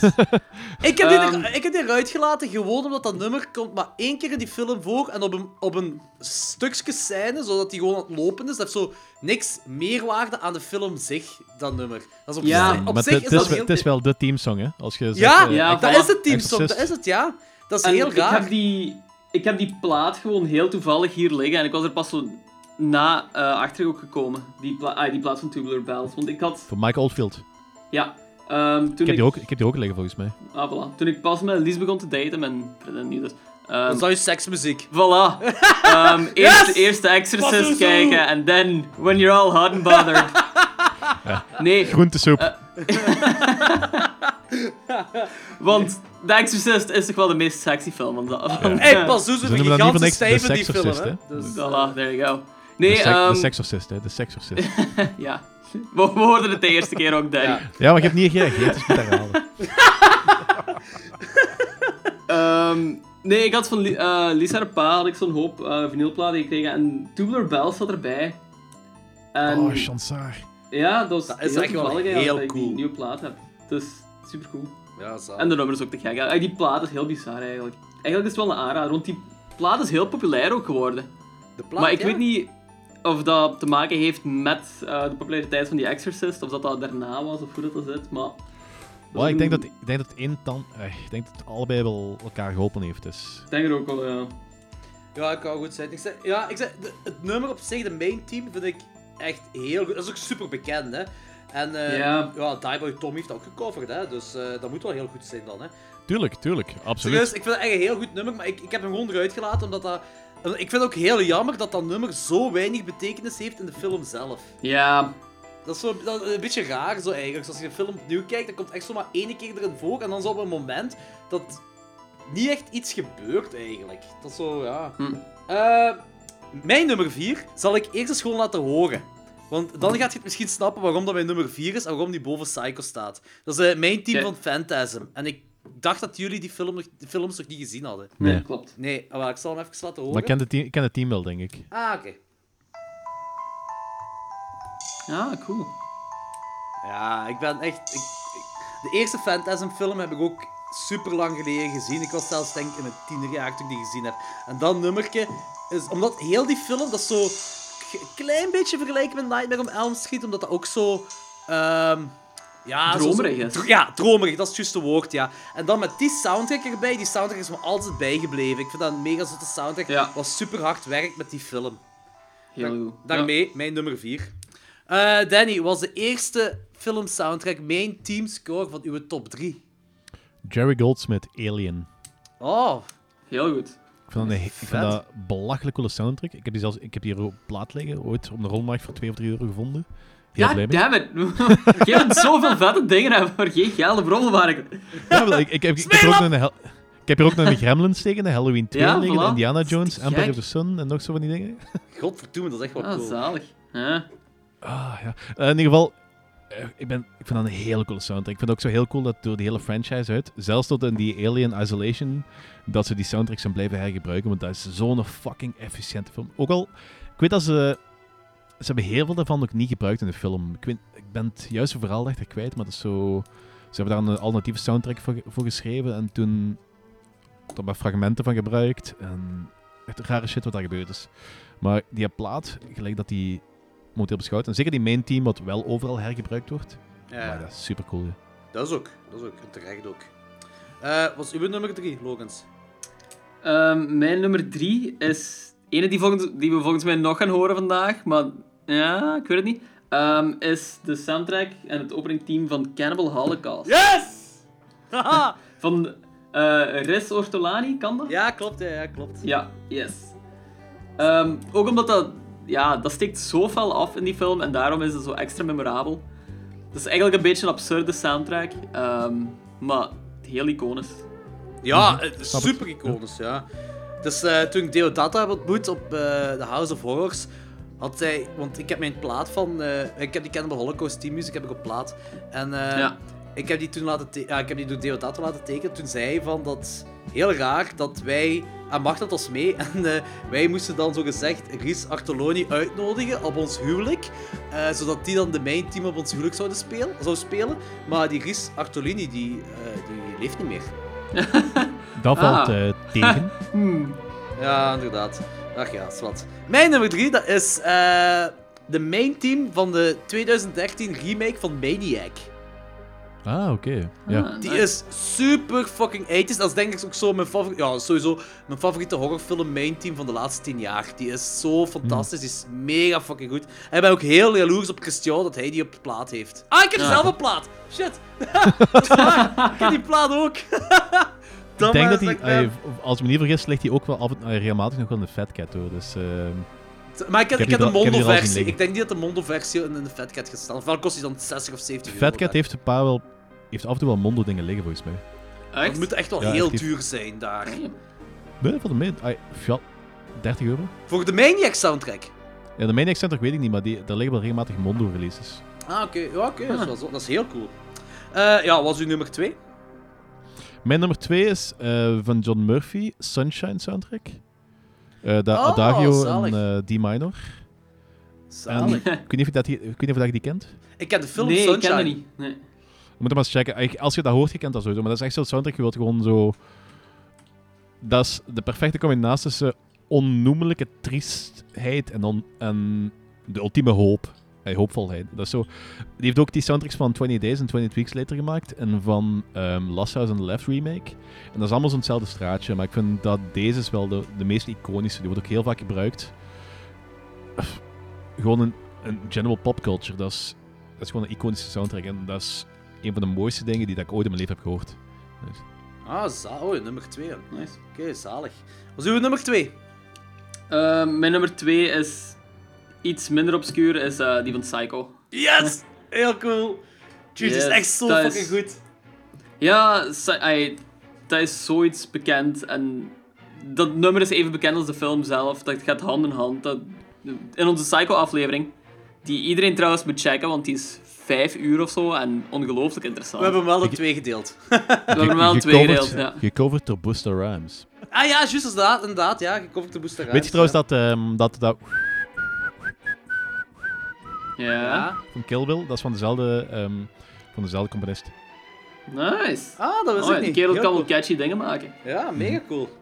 Ehm, ja, ehm, over Psycho gepraat. Mijn nummer 2 is Psycho 3. Psycho 3? Ja, Alright. wacht. Ik zal hem laten luisteren, dan begrijp je ook waarom. Eh, Jullie hebben allebei Psycho 3 nog altijd niet gezien, hè? Ik heb het niet Nee, gezien. Ik klopt. me binnenkort, als ik meer tijd heb, denk, als ik kleiner er is, ga ik eens door de hele collectie. Zeker, doe dat samen met je kleine. Dat is perfect om mee te starten voor je kleine. Er zijn, er zijn fantastische films, kijk hoe. Nee, in ieder geval, Psycho kan, 3... kan, niet zo, ik kan niet zo de waarde van ehm, eh, moederliefde leren. Dacht ik.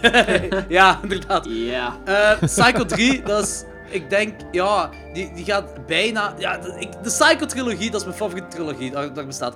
En die soundtrack, die is heel anders dan... Of Psycho 3 zelf is heel anders dan de vorige twee films sowieso. Maar die, die eh, soundtrack samen met die film... Die film heeft zo'n Italiaanse vibe. En dan deze soundtrack erbovenop, dat is iets waar, waar zo heel fel bij blijft. En ik vind, ja, die is zalig gewoon. Eh, Danny, was uw favoriete horror main team aller tijden? Mijn favoriete main team aller tijden is Goblin Suspiria. Ja, dacht ik Ja. wel. Heel Ja. cool. En dat is eh, wat ik daar straks ook zei van... eh, ik vind dat sowieso heel cool.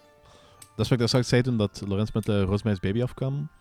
Van, ik vind zo van die la la la soundtracks. Ik vind dat, ik vind dat wel heel cool. En Jerry Ja, Goldsmith heeft ja, dat ja. met, met Poltergeist heeft dat ook gedaan. En eh Comeda heeft dat inderdaad met eh, Rosemary's Baby ook gedaan. En daar hangt zo'n... ik weet niet, zo'n heel onheelspellende vibe aan vast. En Suspiria heeft dat ook, maar heeft dan ook nog zo die mega coole 70s eh, vibe. En Goblin is gewoon fucking awesome. Dat is ook. Dus ja, dat is mijn, dat is mijn nummer 1, Goblin Ja. Suspiria. Snap ik. Nice. Eh, ik heb... Dit was, ja... Ik was in twijfel tussen mijn nummer 1 en mijn nummer 2. ehm, omdat die allebei even iconisch zijn. Ehm, het is ook de vrij cliché one, maar hij is zo ongelooflijk ja, herkenbaar. Iedereen kent hem. En het is de soundtrack van Jaws. eh, van John zalig. Williams. Ja. Want ik, ik ben gegaan ook voor herkenbaarheid en ook dingen die me echt zijn bijgebleven. En vanaf de eerste keer dat ik Jaws heb gezien, als klein manneke, is me die soundtrack ook bijgebleven. Omdat ik... Ik kende die soundtrack ook voordat ik Jaws had gezien. Omdat dat zo Ja. alomvertegenwoordigd is in alle popculture. Ja, dat is ook. Ehm, dus daarom staat hij op één bij mij. Ja, ik heb ooit, eh, ik heb ooit Peter Steele's Carnivore eh, op Wakken Open Air gezien, maar dat ze dat als intro gebruikten. Ja, perfect. Dat was mega Want iconisch. dat is ook te gek. Stel je voor als je dat hoort zo, als een of andere band of zo. Ai, als intro muziek van een band. Dat is zo goed. Dat is ook. Dat, dat heel de zaal ook gewoon mee. Dat is zo indrukwekkend. Dat is zo zalig. Dat is, ja, Iedereen kent dat. dat is, ik vind dat echt cool. Eh, ja. Zalig. Mijn nummer 1 is ook vrij cliché. En dat is ook iets wat iedereen sowieso gaat raden. Het begint met een superkleine opbouw. En dan heb je climax na climax na climax. Deep Throat. Sounds like my Saturday night guy. Je voelt gewoon in die soundtrack dat ze een schildpad aan het mantelen zijn. Dat is zo fantastisch. Ik, ik krijg zo'n warm gevoel bij die soundtrack ook. Dat is... Hoor dat gewoon. Dat is perfect. Beautiful. Dat is, en dat is, dat is ook een singalong, hè. Zonder dat dat een singalong is. Zet dat op en je hebt Anthony Palaya in de zaal en dat is een mega grote singalong, hè. ik vind, ja, dit is mijn nummer 1. De beste horror soundtrack ooit geschreven, ook al klinkt het helemaal niet horror. Ik vind dat fantastisch. Oh, ik heb nog wel een honorable mention die ik Voor de, mensen, voor de mensen die niet weten, had ik kunnen zeggen de Cannibal Holocaust. Ah ja, juist, ja. Ja, ja. Cannibal Holocaust. Cannibal Holocaust door Riz Artolani. En wat was uw honorable mention? Ehm, het is ook nog een serie, eigenlijk de main team van die X-Files. Oh ja, dat Daar heb ik totaal niet over jaren 90 nagedacht. Ja, nee, ik heb hier nog eens een stickertje van liggen van Mark Snow. Met Ah, zo heb je ook toevallig vier... gevonden voor 50 cent op de rommelmarkt, because Nee, I ik heb- want it. Nee, nee, ik heb dat in de tijd nog gekocht. Zalig. Dat is zo van die, van die eh, maxi-singles met zo, met zo vier of vijf eh, remixes daarop. Oh, te gek. En die zijn even goed cool. Ja, tuurlijk. Ehm, ja, omdat die X-Files een van mijn favoriete series aller tijden is ook gewoon. Oh ja, da- dat had, ik. En- dat had ik op een ding nog kunnen vermelden. Ik weet, niet, ik weet niet of dat bij horror telt, maar ik ben nu ehm, voor de trekhaakronde, ik ben X-Files aan het kijken.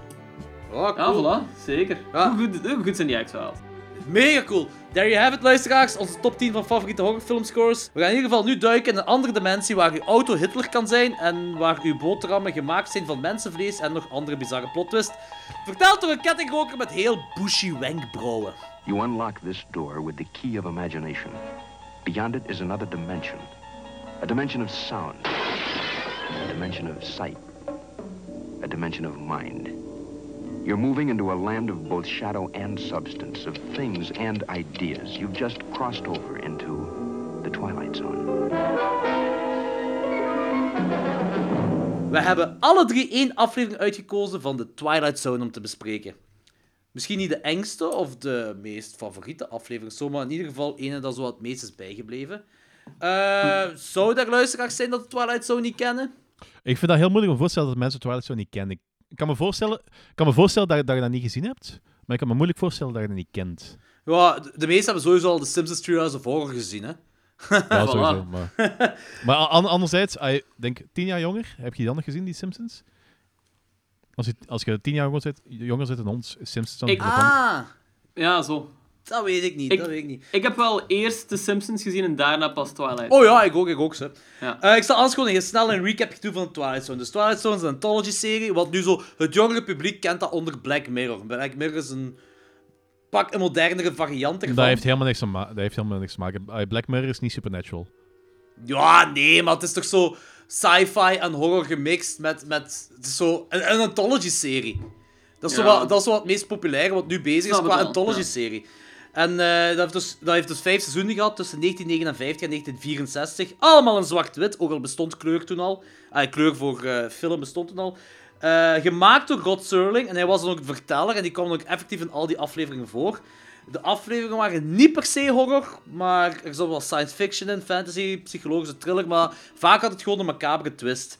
Eh, er zit veel social commentary in de serie, dat is ook hetgeen wat Black Mirror heeft dan. En eh, de naam Twilight Zone was blijkbaar een militaire term voor iets van moreel en strategische grey area. Eh, Ja. Twilight Zone was een gigantisch succes en dat leidde dan uiteindelijk tot een. Eh, ja, shit, er was een radioshow is eruit gekomen, een theaterstuk, eh, een stripverhaal, een videogame. Er is een film gekomen in 1983. En dan zijn, ja, die film was eigenlijk gewoon wat herwerkingen van de klassieke afleveringen. Eh, er was een, iets of wat succesvolle 80s reboot, maar die, was, die 80s reboot is, eh, wat ik gelezen heb, na seizoen 1 echt gekelderd. Die twee seizoenen daarna zijn niet zo goed, niet zo goed ontvangen. En er was Ja, maar ze een hebben, die formule ook, ze hebben die formule ook veranderd toen. Ze zijn toen naar van die korte afleveringsjes gegaan, en dat soort toestanden. Ah, gelijk de originele, gelijk de originele was. De originele is ook een korte Ja, aflevering, hè. Ik denk het zoiets. Ja. En er is ook in de jaren, twee- begin jaren 2000 is er ook een, een eh, reboot geweest. En er zou dan nog Ah, een ja. derde revival komen met Jordan Peele als host. Ik ben wel... Ik ben eigenlijk wel psyched Ja. voor die nieuwe reboot. Ah, ja, want eigenlijk Zeker. Get Out is een vrij lange Twilight Zone aflevering. Tuurlijk. En Zeker. Ook gewoon omdat die originele serie die had zo rollen van bekende acteurs, gelijk William Shatner, VR Miles uit Psycho heeft ook in een rol meegedaan. En die 80s reboot heeft hetzelfde gedaan. En dat zijn veel... Ah, ik heb niet alles van de 80s reboot gezien, maar hetgeen wat ik erover weet is dat Wes Craven van Nightmare on Elm Street en William Friedkin van The Exorcist, dat die veel afleveringen geregisseerd hebben. En dat Bruce Willis, Morgan Freeman en eh, die dude dat Bela Lugosi speelt in de Ed Wood eh, film, heeft er ook zo eh, wat rollen in gehad. Dus misschien in de nieuwe reboot, James Wan of Mike Flanagan of zo, dat daar een of andere eh, aflevering gaat regisseren. En misschien dat Seth Rogen of Bill Skarsgård of zo dat zou meedoen. Dat zou ik wel cool vinden. Je weet maar nooit, hè? Ja, ik heb nog een ehm, vrij macabere anekdote over de eh, film van The Twilight Zone. Die Van die helikopter. ongetwijfeld ook wel kent. Van het heel awkward eh, helikopterongeluk. Ja, die is... Ehm, eh, blijkbaar was iedereen, ja, was iedereen zo heel overwerkt op de set. En was de set ook vol met veel coke. Ehm, en veel... 80s, hè? Ja, ja it's the 80s. en, ehm, heeft- ik denk dat het bij John Landis was, bij het segment dat hij moest regisseren. Ja, er een Time's helikopter. Out. Ja. Ja, voilà. Er was, eh, stond een helikopter.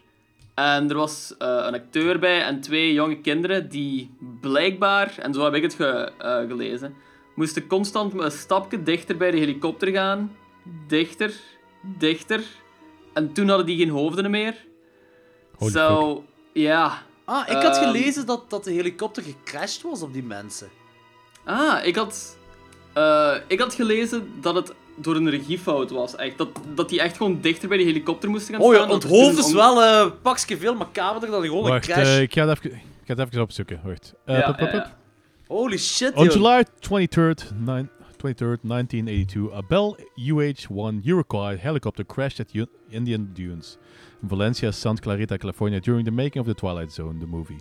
The crash killed three people on the ground. Dus Ah, eh, de helikopter is ja. effectief op die mensen geland. Ah, oké. Ah, oké. Ja.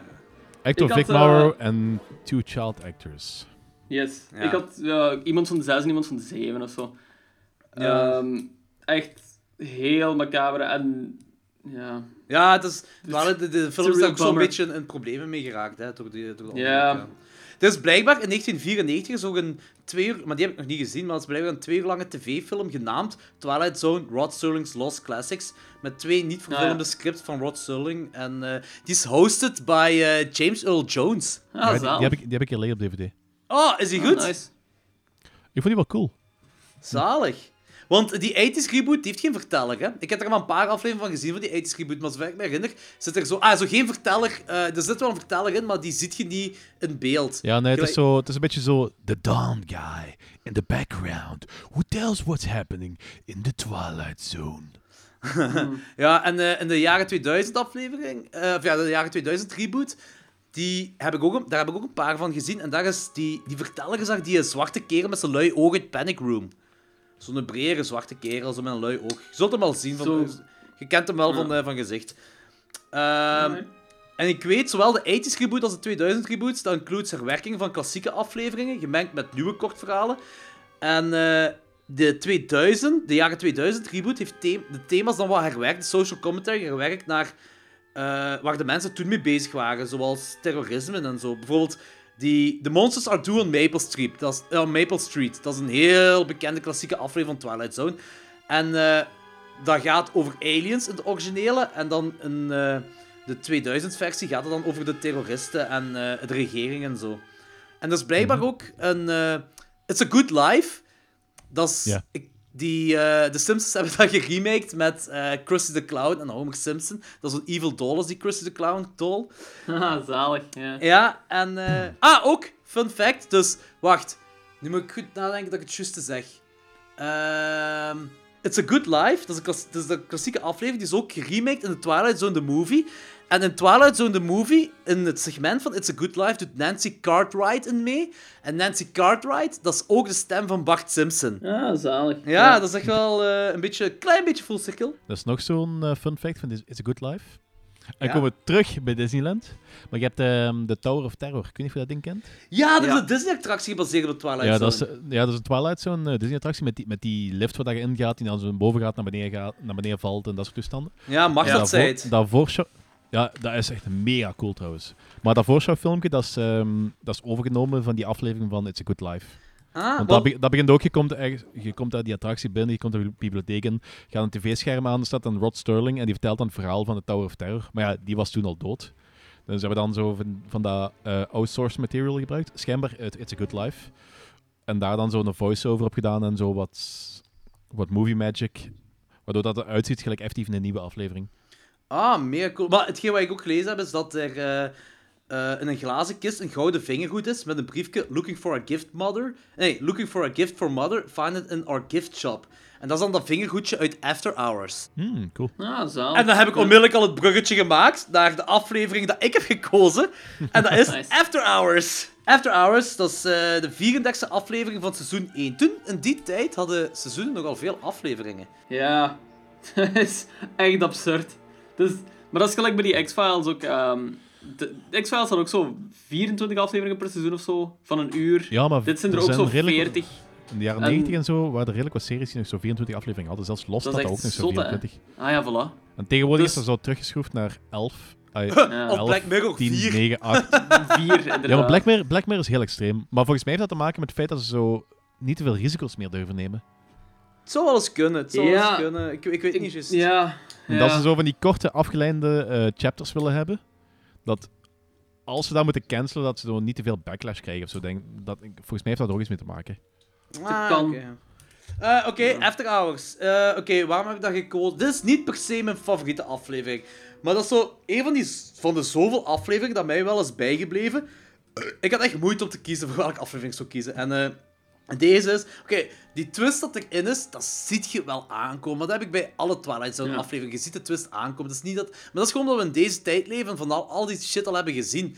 Maar die, ah, over alles hebben gezien. Dit per se, dit concept, heb ik nog niet zo vaak gezien. Nee, ik- ik vond het ook een heel origineel concept. Ja. Het verhaal is dus een griet dat een winkel binnengaat en een cadeau zoekt voor haar moeder. Eh, die wil dan, ze wil dan een gouden vingergoed. Dat is ook zoiets typisch jaren 60. Ja. Fucking vingergoed kopen als verjaarscadeau. Ja. Stel je voor als je dat nu zou krijgen. Ja, ik denk als mijn ma nu een vingergoed van mij zou krijgen, die echt zoiets van, dude, wat de fuck zit je bezig? Fucking vingergoed. Eh, Oké, en dan heb je een liftman. Ik, ik weet niet hoe de fuck zo'n kerel doet dat een lift bestuurt. Also, ook, in wat voor een tijd, een fucking lift dat bestuurd moet worden, dat is ook al zoiets. Maar ja, is wat, je hebt daar dus een liftman en dat brengt haar naar het negende verdiep. En die verdiep is vrij leegstaand. En een andere griet ver- dat daar plots verschijnt, dat verkoopt daar het enigste... Oh, gezondheid. Het enigste item dat op die verdiep is. En dat is dan toevallig een gouden vingerhoed.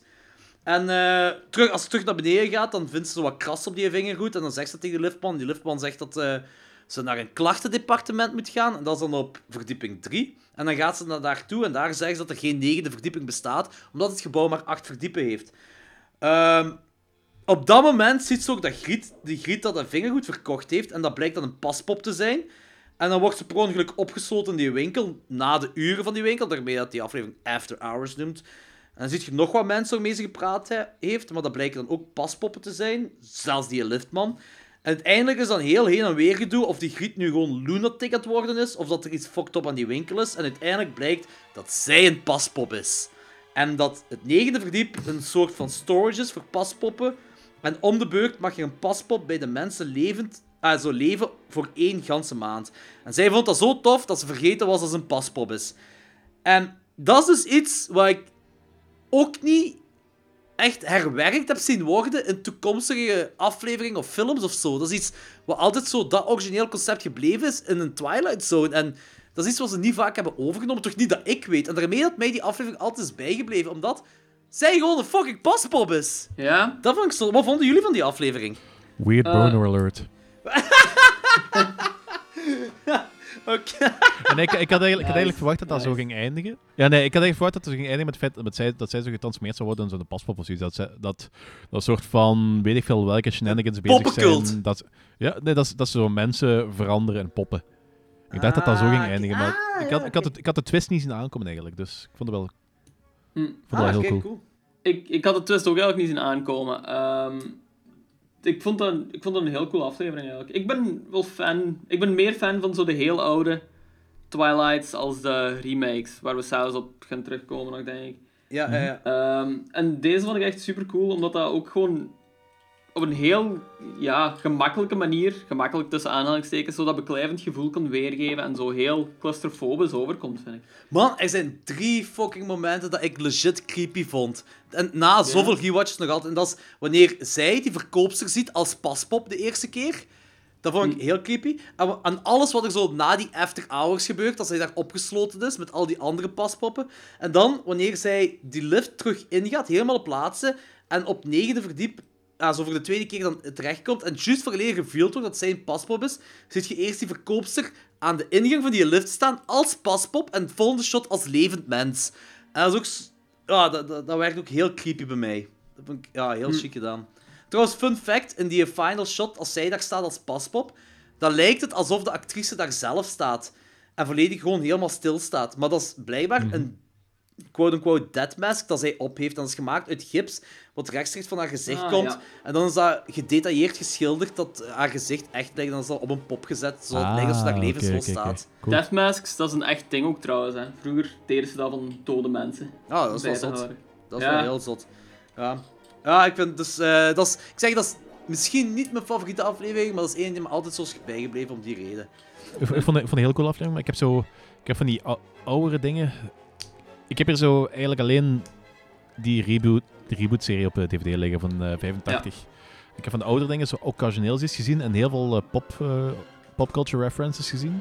Ja. Maar van de aflevering zelf. Maar ik ga, dat ik ga er toch wel eens op terugkomen, want er zitten wel, zitten wel heel coole dingen bij. En, Deze u als- dus echt wel erin meegesleurd dan, deze aflevering. ja, nee, nee, maar het is gewoon... Ik heb dat een paar jaar geleden heb ik dat eens een keer willen doen. Ik heb toen twee, twee of drie afleveringen gezien.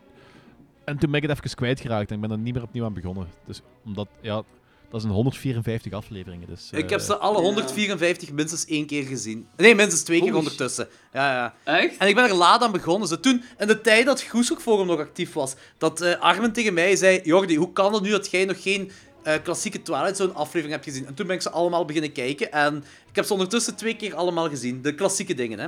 Eh, we gaan nu verder met de beken- waarschijnlijk de bekendste Twilight Zone aflevering ooit gemaakt. En dat is Nightmare at 20.000 Feet, de derde aflevering van seizoen 5. Wat Logans een keuze is. En Logans, waarom heb jij deze Ja. geko- gekozen? Ehm, zoals ik straks al zei, van, had ik eerst de Simpsons gezien en daarna pas eh, door die aflevering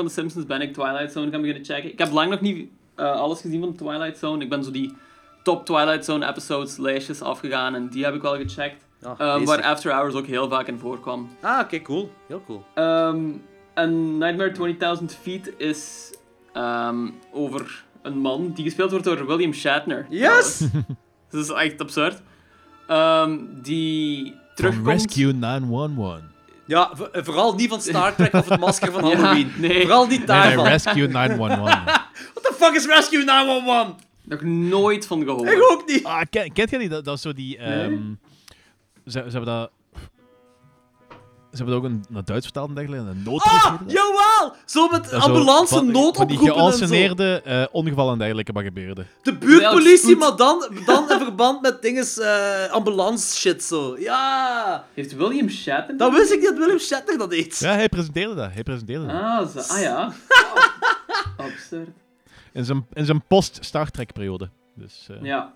Ja, eh, het verhaal gaat dus over ehm William een frightened man, Robert Wilson, die ehm, pas eh, uit een dinges komt, een mental institution, omdat hij daar zes maanden heeft gezeten, omdat hij een nervous breakdown heeft gehad. Op een vliegtuig. Op een vliegtuig, op een vliegtuig zit hij. dus Ehm, eigenlijk, eigenlijk staat dat BA. wat- Oh, you Ah, ja, ja, ja, ja, ik Oh, snap. you ik getting heb plane, fool. Ah, ja. Ja, maar het is dus belangrijk om te weten dat deze nervous breakdown op een vliegtuig is Ja. gebeurd. Ja, ja, ja, ja. ja. Ehm, en op dat vliegtuig ziet hij... eh, ja, hij heeft een window seat en hij ziet constant een man of een personage dat op de vleugel zit. Ehm, dat schaapman. Een gremlin te zijn, zo gezegd. Eh, en dat is, ja... Dat is dus de Twilight Zone aflevering. Maar ik denk dat meer mensen de Simpsons aflevering gaan kennen als er een gremlin on the side of the bus zit. Ja. Ja. Dat denk ik Ehm, ook. Ja. Dus dat is dus het originele verhaal ervan. Ja, die is heel vaak geparodieerd. De- trouwens, eh, de, Ja, de videoclip van Anthrax ook, eh, voor het eh, eh, dingetje Inside Out, dat is ook eh, gebaseerd op deze dinges. Ik weet niet of je die videoclip kent. Nee. Dat is best wel cool. Maar eh, Anthrax heeft wel heel veel horrorfilmreferenties. Hè? Ja, dat kan wel, dat zou wel eens kunnen, ja. Maar, ik denk, maar de- deze is gewoon zo vaak geparodieerd. De Muppets hebben dat geparodieerd, Robot Chicken, Futurama. Eh, en ja, ja, Ja. gelijk gezegd, de dingen, de Simpsons in, in een van die Treehouse of Horror segmenten. Ja, die noemt Terror at five and a half feet. Ja. Dus dat een bus is. classic Simpsons. Iedereen kent het verhaal. En ik, maar ik heb die vandaag nog eens opnieuw gezien. En ik vind dat zo'n coole aflevering eigenlijk. Hè. Iedereen acteert hier ook zo super goed in, vind ik. En William Shatner, die... eh, je gelooft hem echt. Hij- je ziet echt zo de waanzin in zijn ogen. Ja, ja, dat is ook. Ik vind, ik vind dat echt ook een aanrader. Als je gewoon... Dat is ook een heel kijkbare aflevering. Ehm, want Twilight Zone is kei oud natuurlijk. Maar die, die afleveringen duren maar zwart-wit 25 is. minuten, hè. Ja, voilà. Maar toch, ah, dit is zo'n goeie om erin te komen ook. Dat is wel. Ehm, Ik vind het echt ook een heel plezante aflevering. Heel spannend ook gewoon. En ja, veel Twilight Zone afleveringen zijn zo... ehm, dat beklemmende eigenlijk. En dat je zo je eigen zintuigen er meer kunt geloven. Dat is ook zo'n thema dat er vaak in terug voorkomt. En ja, dat komt hier ook wel goed aan bod. Eh, en die gremlin ziet er ook kei grappig uit. Ik, vind, ik, ik, ik hou van deze aflevering, hè. Maar waarom noemt de fuck dat schaapbeest Gremlin? En waarom Ja, zien de Gremlins dat was- een Gremlin niet uit gelijk schaapbeesten? Dat wordt Ja. ergens wel uitgelegd, zo, waarom Ja, maar in, eh, ik denk op... in de tijd van Wereldoorlog 2 Ja, Wereldoorlog 2. hadden ze, ehm, was er zo een soort van, ik weet niet of dat Urban Legends noemt worden, maar was er het idee, idee ging rond, maar dat de Duitsers kleine dingetjes hadden gemaakt. Ze, weten niet, eh, ze omschreven dat, beschreven dat als gremlins die eh, materiaal kapot konden maken. Dus ze konden zorgen Ja. dat eh, vliegtuigen neerstorten en dergelijke. Ah, en een gremlin is dus eigenlijk gewoon een klein saboterend wezentje. Ah, ja, zo klein is dat hier niet. Ja, maar in, de, in de latere gremlins hebben ze wel, zijn er wel kleinere saboterende wezentjes. Oké, dat verklaart veel. Dan was ik me altijd aan het afvragen, waar de fuck noemt dat gremlin? En dat is een fucking schaap, weer... sch- Zo, precies of zo een mens getransformeerd is in een schaap. Zoiets ziet daaruit. Ja, Ik yep. Ik, ah, ik moet wel zeggen dat in de remake, de Twilight Zone... Of ja, niet, eh, in de film The Twilight Zone hebben ze dit segment geremaked met die dude van Third Rock from the Sun. Eh, die, Ah, die, zalig. Die oude kerel dat ook in Dawn of the Planet of the Apes meedoet. En hij is Ja, dan ja. het William Shatner personage. Ja, en eh, Dik, ja. De gremlin daar ziet er wel mee, veel zotter uit. Super 80s. Maar hier heeft dat Ja. toch iets... Gelijk die eh, close-up dat je krijgt op een bepaald moment aan dat raam. Dat is mega fucked Ja. up in deze film. Dat vind ik echt, dat is echt ja. fantastisch. Dit is echt een heel spannende aflevering ook. gewoon. Ja, ja, ja, ja. zo goed opgebouwd. Ja. Ook een fun fact dat eh, in Third Rock from the Sun is er een aflevering dat William Shatner erin meedoet. En eh, zowel hij als Dick gaan het vliegtuig op. En Willem Shatner zegt iets van... Ah, eh, ik heb iets heel vreselijk meegemaakt in, in een vliegtuig ooit. En waarop Dick zegt... Ah ja, ik ook. Het grappige is dat Dick het, ah, ja, die acteur hetzelfde heeft gedaan als Willem Shatner Zalig. toen een tijd. Dat is wel... dat is cool. Meta. Wat ik ook heel goed vond in deze aflevering was zo als ehm, William Shatner zo'n sigaret wil opsteken en die vrouw zegt zo... "W- ehm, Ja, we Robert, zijn wait. niet vertrokken. Wait, wait till the Ja, plane lifts off. inderdaad. What? wat, wat maakt dat uit, inderdaad? Zo? Waarom heb je een no beleefdheid. smoking en smoking ding? Also, toen je in de tijd dat je nog mocht roken, waarom mocht je op een bepaald moment niet roken dan in een vliegtuig? Dat is echt heel raar. Ja. Ja, beleefdheid, hè? Beleefdheid. Ah, heeft dat daarmee te maken? Ik weet het niet. Ja. Ah, oké. Ik vond, ik heb wel één negatief ding. Hoe de fuck komt er dat er geen wind is op die vleugel? Dat is zo fucking obvious dat dat een decorstuk is. En ik sta, waarom hebben ze niet gewoon een ventilator tegen, die, tegen dat schaapbeest kunnen houden, dat die krullen aan de wind staan? Dus ik snap dat je in die Twilight Zone zit, in die zone, en, en die, dat schaapbeest, gremlin ding, dat kan staan op een vleugel terwijl dat vliegtuig vliegt. Snap ik. Maar dan moet je toch iets van, iets van fysica zien. Het is gewoon, het, het ziet er zo hard, het ziet zo hard eruit dat, dat, ja, dat die op een decor Het is heel staat. status soms. Ja, ja. ja. en dat vind ik jammer. Ze hadden gewoon een ventilator tegen die kop moeten houden. Hè? Dat was het opgelost. Maar, Maar door, door dat eh, gaat je wel bedenken van... Is, is dat niet echt gewoon een figment, figment van zijn imagination? ja, maar het vliegtuig is kapot op laatste. Ja, oké, maar dan, dan kun je ook weer afvragen van... Is dat door dat beest of... Want was dat beest wel echt? Dat is inderdaad de vraag. Was Want dat als dat, beest eff- echt? als, dat effectief, als dat ding effectief onderhevig was aan de elementen en dergelijke, dan was dat veel makkelijker om te geloven dat dat ding echt was. Maar om... Ik heb ook moeite mee te geloven of dat echt is. Ik weet het ook niet. Wat denk jij, Logans? Ehm, ik, ja, ik hoop van wel, omdat dat, dat maakt het zo boeiender. Ja.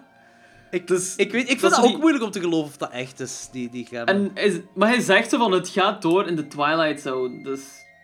Op het begin had ik dat, dacht ik dat dat niet echt was. Want er is op een gegeven moment een scène, een van die scènes waar hij voor dat raam hangt, waar dat, lijkt alsof hij zo zijn, eh, zijn kop echt tegen dat raam heeft, maar die druppels blijven wel doorrollen. Dus ik dacht dat het misschien gewoon met zo'n dubbel glas, waar dat zo eh, water tussen rolt of zoiets, om zo te Hm. laten lijken alsof dat ding er echt niet is. Eigenlijk niet echt is.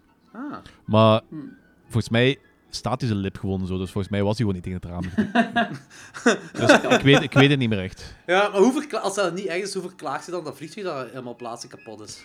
Ja, misschien was dat gewoon, had die kerel gezien dat hij kapot was en heeft er daar zelfs zijn eigen realiteit van gemaakt. Ah. Kan. Dat gebeurt. Ja. Ik vind dat er nog zo te weinig aanwijzingen zijn dat het in zijn hoofd zou kunnen, eh, kunnen zijn geworden. Zo. zo net te weinig, vind ik.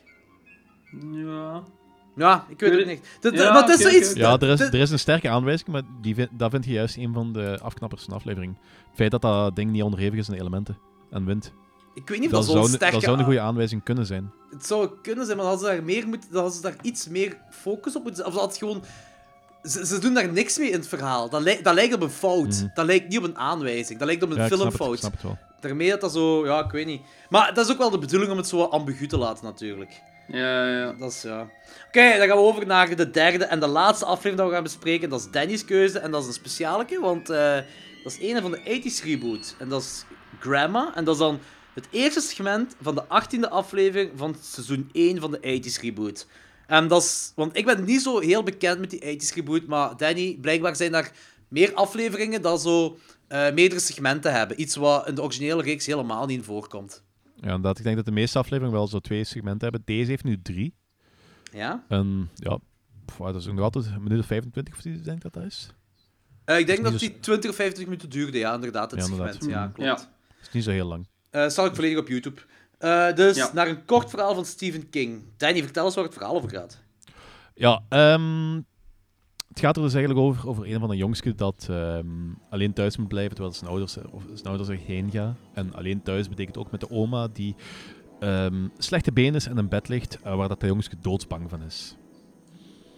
Ja. En de, mo- de moeder is nog niet lang vertrokken en er wordt al eh, de oma schreeuwen van haal me, breng me thee en breng me dit en breng me dat en bla bla bla.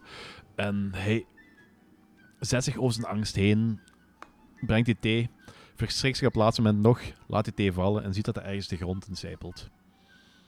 En even later, hij vlucht aan die kamer uit en even later als de oma terug slaapt, kruipt hij de kamer in, maakt de planken los en vindt daar boeken onder. En dat blijken dan de Necronomicon te zijn. Lovecraft-referentie. En Ah, hij ik heb het gezegd. Ja, ik heb het gezegd. Eh, Hoe allemaal duidelijk. En- drinken! eh. En op dat moment beseft hij dat zijn, zijn oma dat aan een heks of iets dergelijks is. Vanaf dat moment blijkt te zeggen dat die oma hem eigenlijk naar hem toe wil lokken. En En dan mergen ze zijn hier, samen. Zijn er daar. Heel slecht. Beeldkwaliteit van die aflevering, ik vind die heel slecht. Dat, ze hebben die DVD-versie hebben ze, echt, ze hebben dat echt heel slecht vertaald. Volgens mij is dat op die YouTube-dingen is ook niet veel beter. Dus je ziet heel vaak niet echt wat er gebeurt. Maar het komt er eigenlijk op neer dat die oma hem ehm, probeert te lokken. En op het einde is er een climax waarvan alles gebeurt. Die oma verzwelgt dat jongske. Of later komt de mama thuis. En het jongske staat dan gewoon, of zit dan gewoon aan de tafel zijn huiswerk te maken. Maar dat hij zegt tegen zijn moeder dat oma gestorven is. En mama zegt, ja, maar ze was oud. En ze zal altijd bij ons zijn. En dan draait het jongske zich om. Hij heeft dan de ogen van de oma. En zo eindigt dat. Ja, die zijn dus samen gemerged aan elkaar. Ja, eigenlijk, ja, de oma heeft die overgenomen. Of Ja. zoiets, ja. Om terug een jong lichaam te hebben, presumably. Ja, Ja. Eh, ja oké. Eh, ik, vond deze, ik vond deze aflevering kut. Ik vond dat echt... Ik vond, ik vond daar echt niks Ik aan. ook, Ik vond, ik vond die, die dude, dat is de irritantste jongen ooit. Dat is echt even Absoluut. irritant als Bob uit House by, House by the Cemetery. Dat is echt zo Dat is wat ik in de week ook heb gezegd, van irritant kutkind. Ja, en ik vind het idee van dat de grandma een heks is en dat ze later gemurkt wordt met die jongen, of dat die, eh, die heks, of de, de bomma, dat lichaam heeft overgenomen, nog wel oké. Ik vind het nog wel eigenlijk een cool concept. Maar die jongen is zo fucking kut, dat wanneer je die climax hebt, heb- denk ik de hele tijd... Waarom heeft die bomma niet die kleine levend opgegeten en vooral heel pijnlijk opgegeten? Dat hij echt super pijnlijk sterft. Want hier merken ze die samen en that's it. En ik heb zo geen satisfaction met waarom die kleine zo samen... Of eh, waarom dat, dat lichaam is overgenomen. Er moest iets vreselijk gebeuren voor die kleine voor mij. Ik vond er echt niks Ja, er, aan. er is iets vreselijk gebeurd, want die kleine is dood en die oma heeft gewoon dat lichaam... eh, Nee, dat is niet goed genoeg voordat ik... Nee, nee, nee, nee, nee. nee. nee dat moest veel vreselijker zijn en veel pijnlijker. Dat moest echt... Deze was het niet, hè. Dus ik... eh, ik vind het cool. Kijk, ik, ik, had het cooler gevonden als die jongen op exploratie... ja, dat hij zo ging ontdekken, dingen ging ontdekken bij die bommen, maar dan zonder die fucking stem in zijn kop. Want die, die stemmen zijn zo fucking irritant. En als, dan blij, als hij dan eh, de, uit de Necronomicon leest en dan blijkt dat die grandma, dat dat een heks is, of Cthulhu, of whatever the fuck dat is. Maakt niet uit. Dat dat een monster is. En dat die, dat monster dan die jongen verslindt, dat had ik heel cool gevonden. Maar dit zei me niks. Helemaal, ik vond dit heel, heel teleurstellend zelfs. Het duurt ook heel lang voordat het zo wat to the point kwam, vond ik. Ja. Dat is misschien wat dat manneke zo betant was. Ja, inderdaad. Dat was heel saai. Zo. Heel die opbouw was heel saai. En Dat dan... is een beetje saai. Ja, ik vond wel... De, de hand, hoe de hand eruit... eh, Het hand van, Ja. van die bom hoe eruit zag, dat was wel heel cool. En het concept dat, dat die bommen dat, dat jongske in, zwe- inzwelgt of whatever, of dat die merge, of dat zij de jongske wordt of whatever, dat concept vind ik op zich toch wel gaaf, maar dat werkt niet in hoe ze het verhaal hier van Stephen King hebben overgenomen voor mij. Er, er moest iets... Ik vond dat er iets veel zotters moest gebeuren, om, dat je toch een, een, een betere payoff had. De payoff... Ik vond er niks aan hier, eerlijk. Ja, Niet mee sorry eens, dat ja, ik het zeg. Sorry dat ik het zeg, maar ik vond, ik vond echt Nee joh, niks die moet dezelfde mening als mij hebben. Ah ja, he- helaas. nee, ik vond, ik vond er echt niks aan. Echt niks. Ik, vond, ik, ik had echt moeite om wakker te blijven ook. Ja. Ik denk dat deze reeks wat meer... Ge... Ik weet niet hoe dat zat met de oude Twilight Zone. Maar dit lijkt me zo op hetzelfde niveau als kippenvel Ja! eh, Dat te is- staan. dat is wat maar ik dat dat is heel fijn vaak. Zo. Ah, kippenvel vond ik super fijn toen ik 12 was. Ehm, en ik denk dat dit zo wat voor hetzelfde publiek is. Maar ik denk, als ik nu kippenvel opnieuw zou zien, dat het ook allemaal outdated is. Dat ik Voilà. ook niet meer mee ga Ja. zijn ermee. En deze, ja, sorry dat ik het zeg, maar ik was echt niet mee. Want ik was psyched toen ik wist dat dat van Stephen King was. Dus, dus ik zag Stephen King heeft kokvragen geschreven. Ik zei, oké, pumped. 80 Stephen King verfilming kan niet slecht gaan. Ja, ik was mis. Maar, Danny, anders vertel eens waarom jij wel mee bent. Danny? Stephen King, Lovecraft.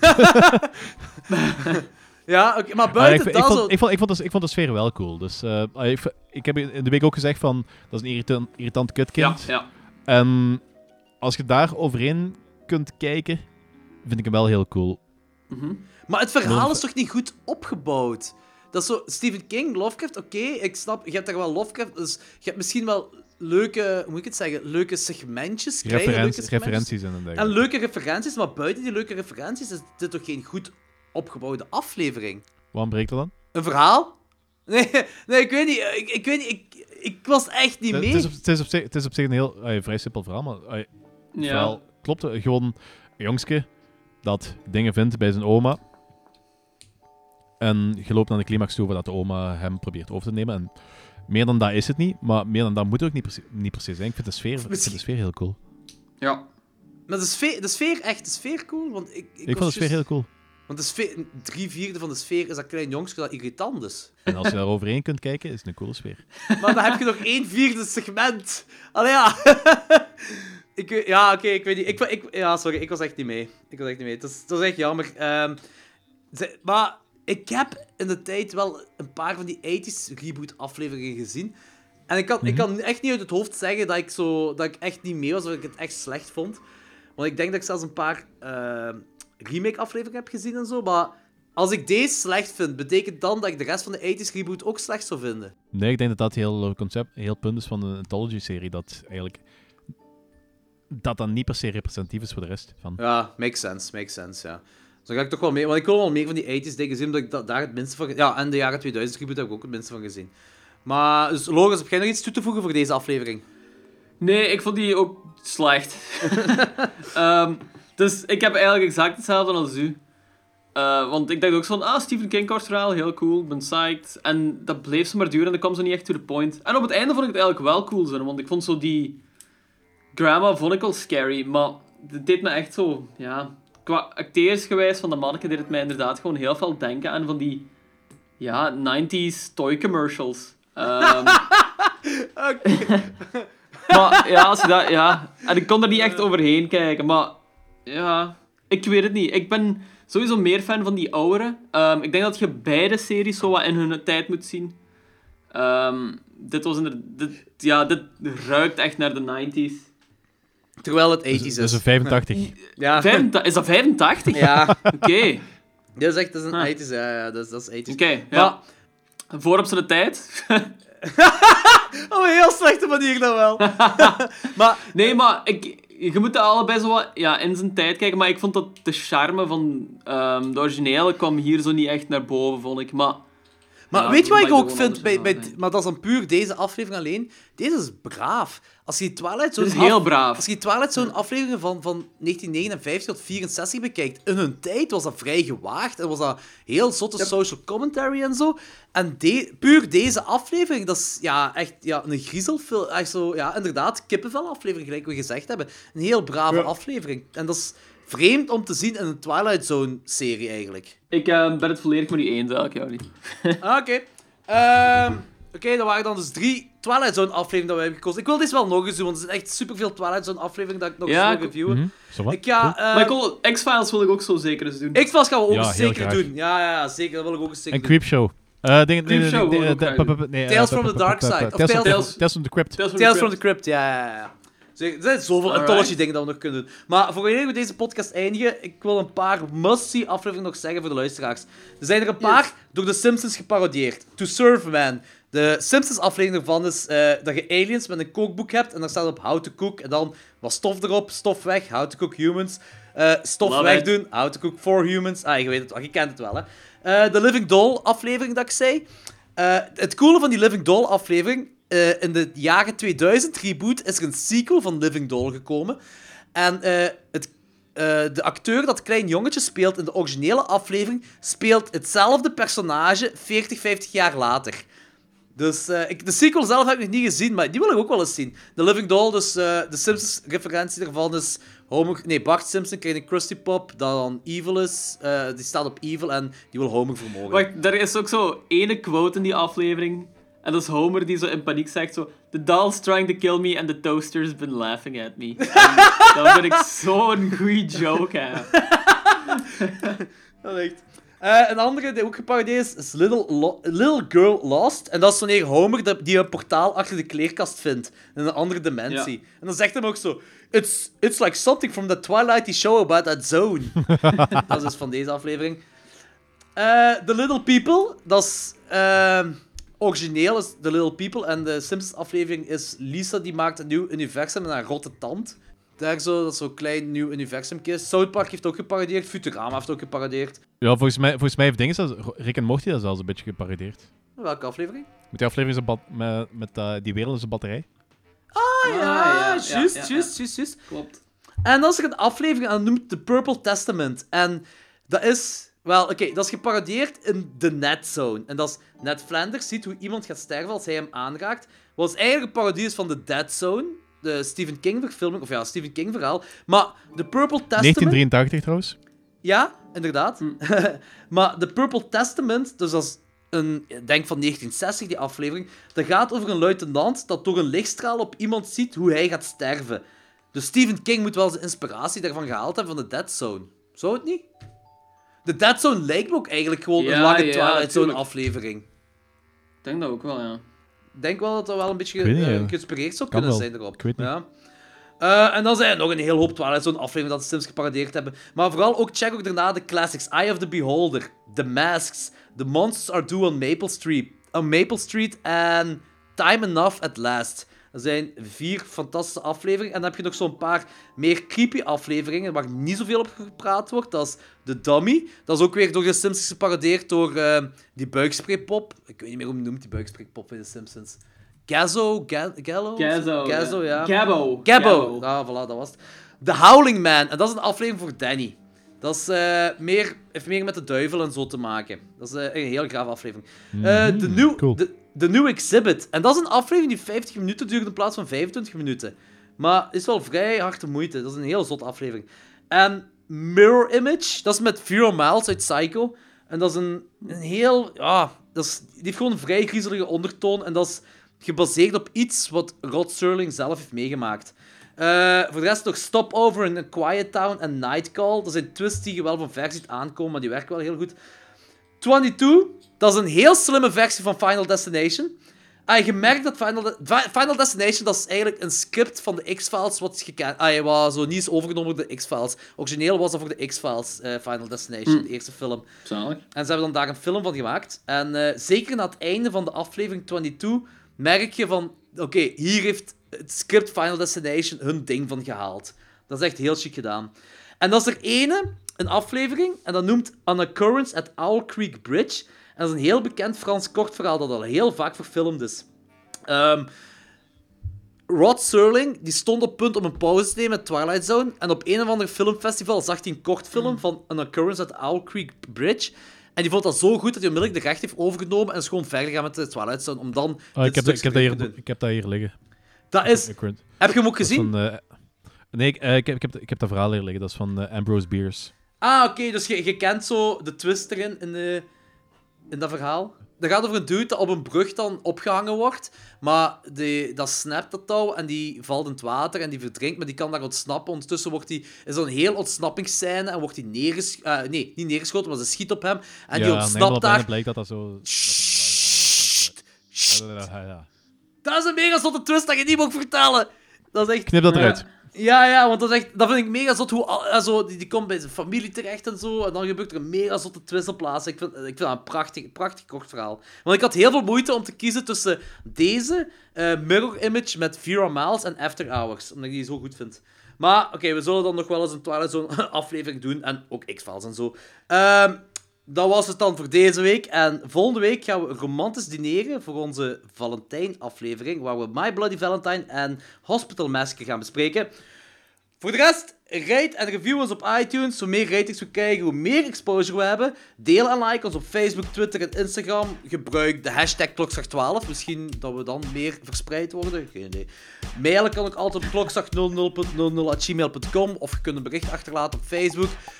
Laat in ieder geval iets weten, laat iets achter. Ehm, misschien... En beluister de YouTube-playlist die uitkomt van deze aflevering. Ja, Zeker. beluister de YouTube-playlist. Playlist. En ja, tot volgende week. Bye. Yo.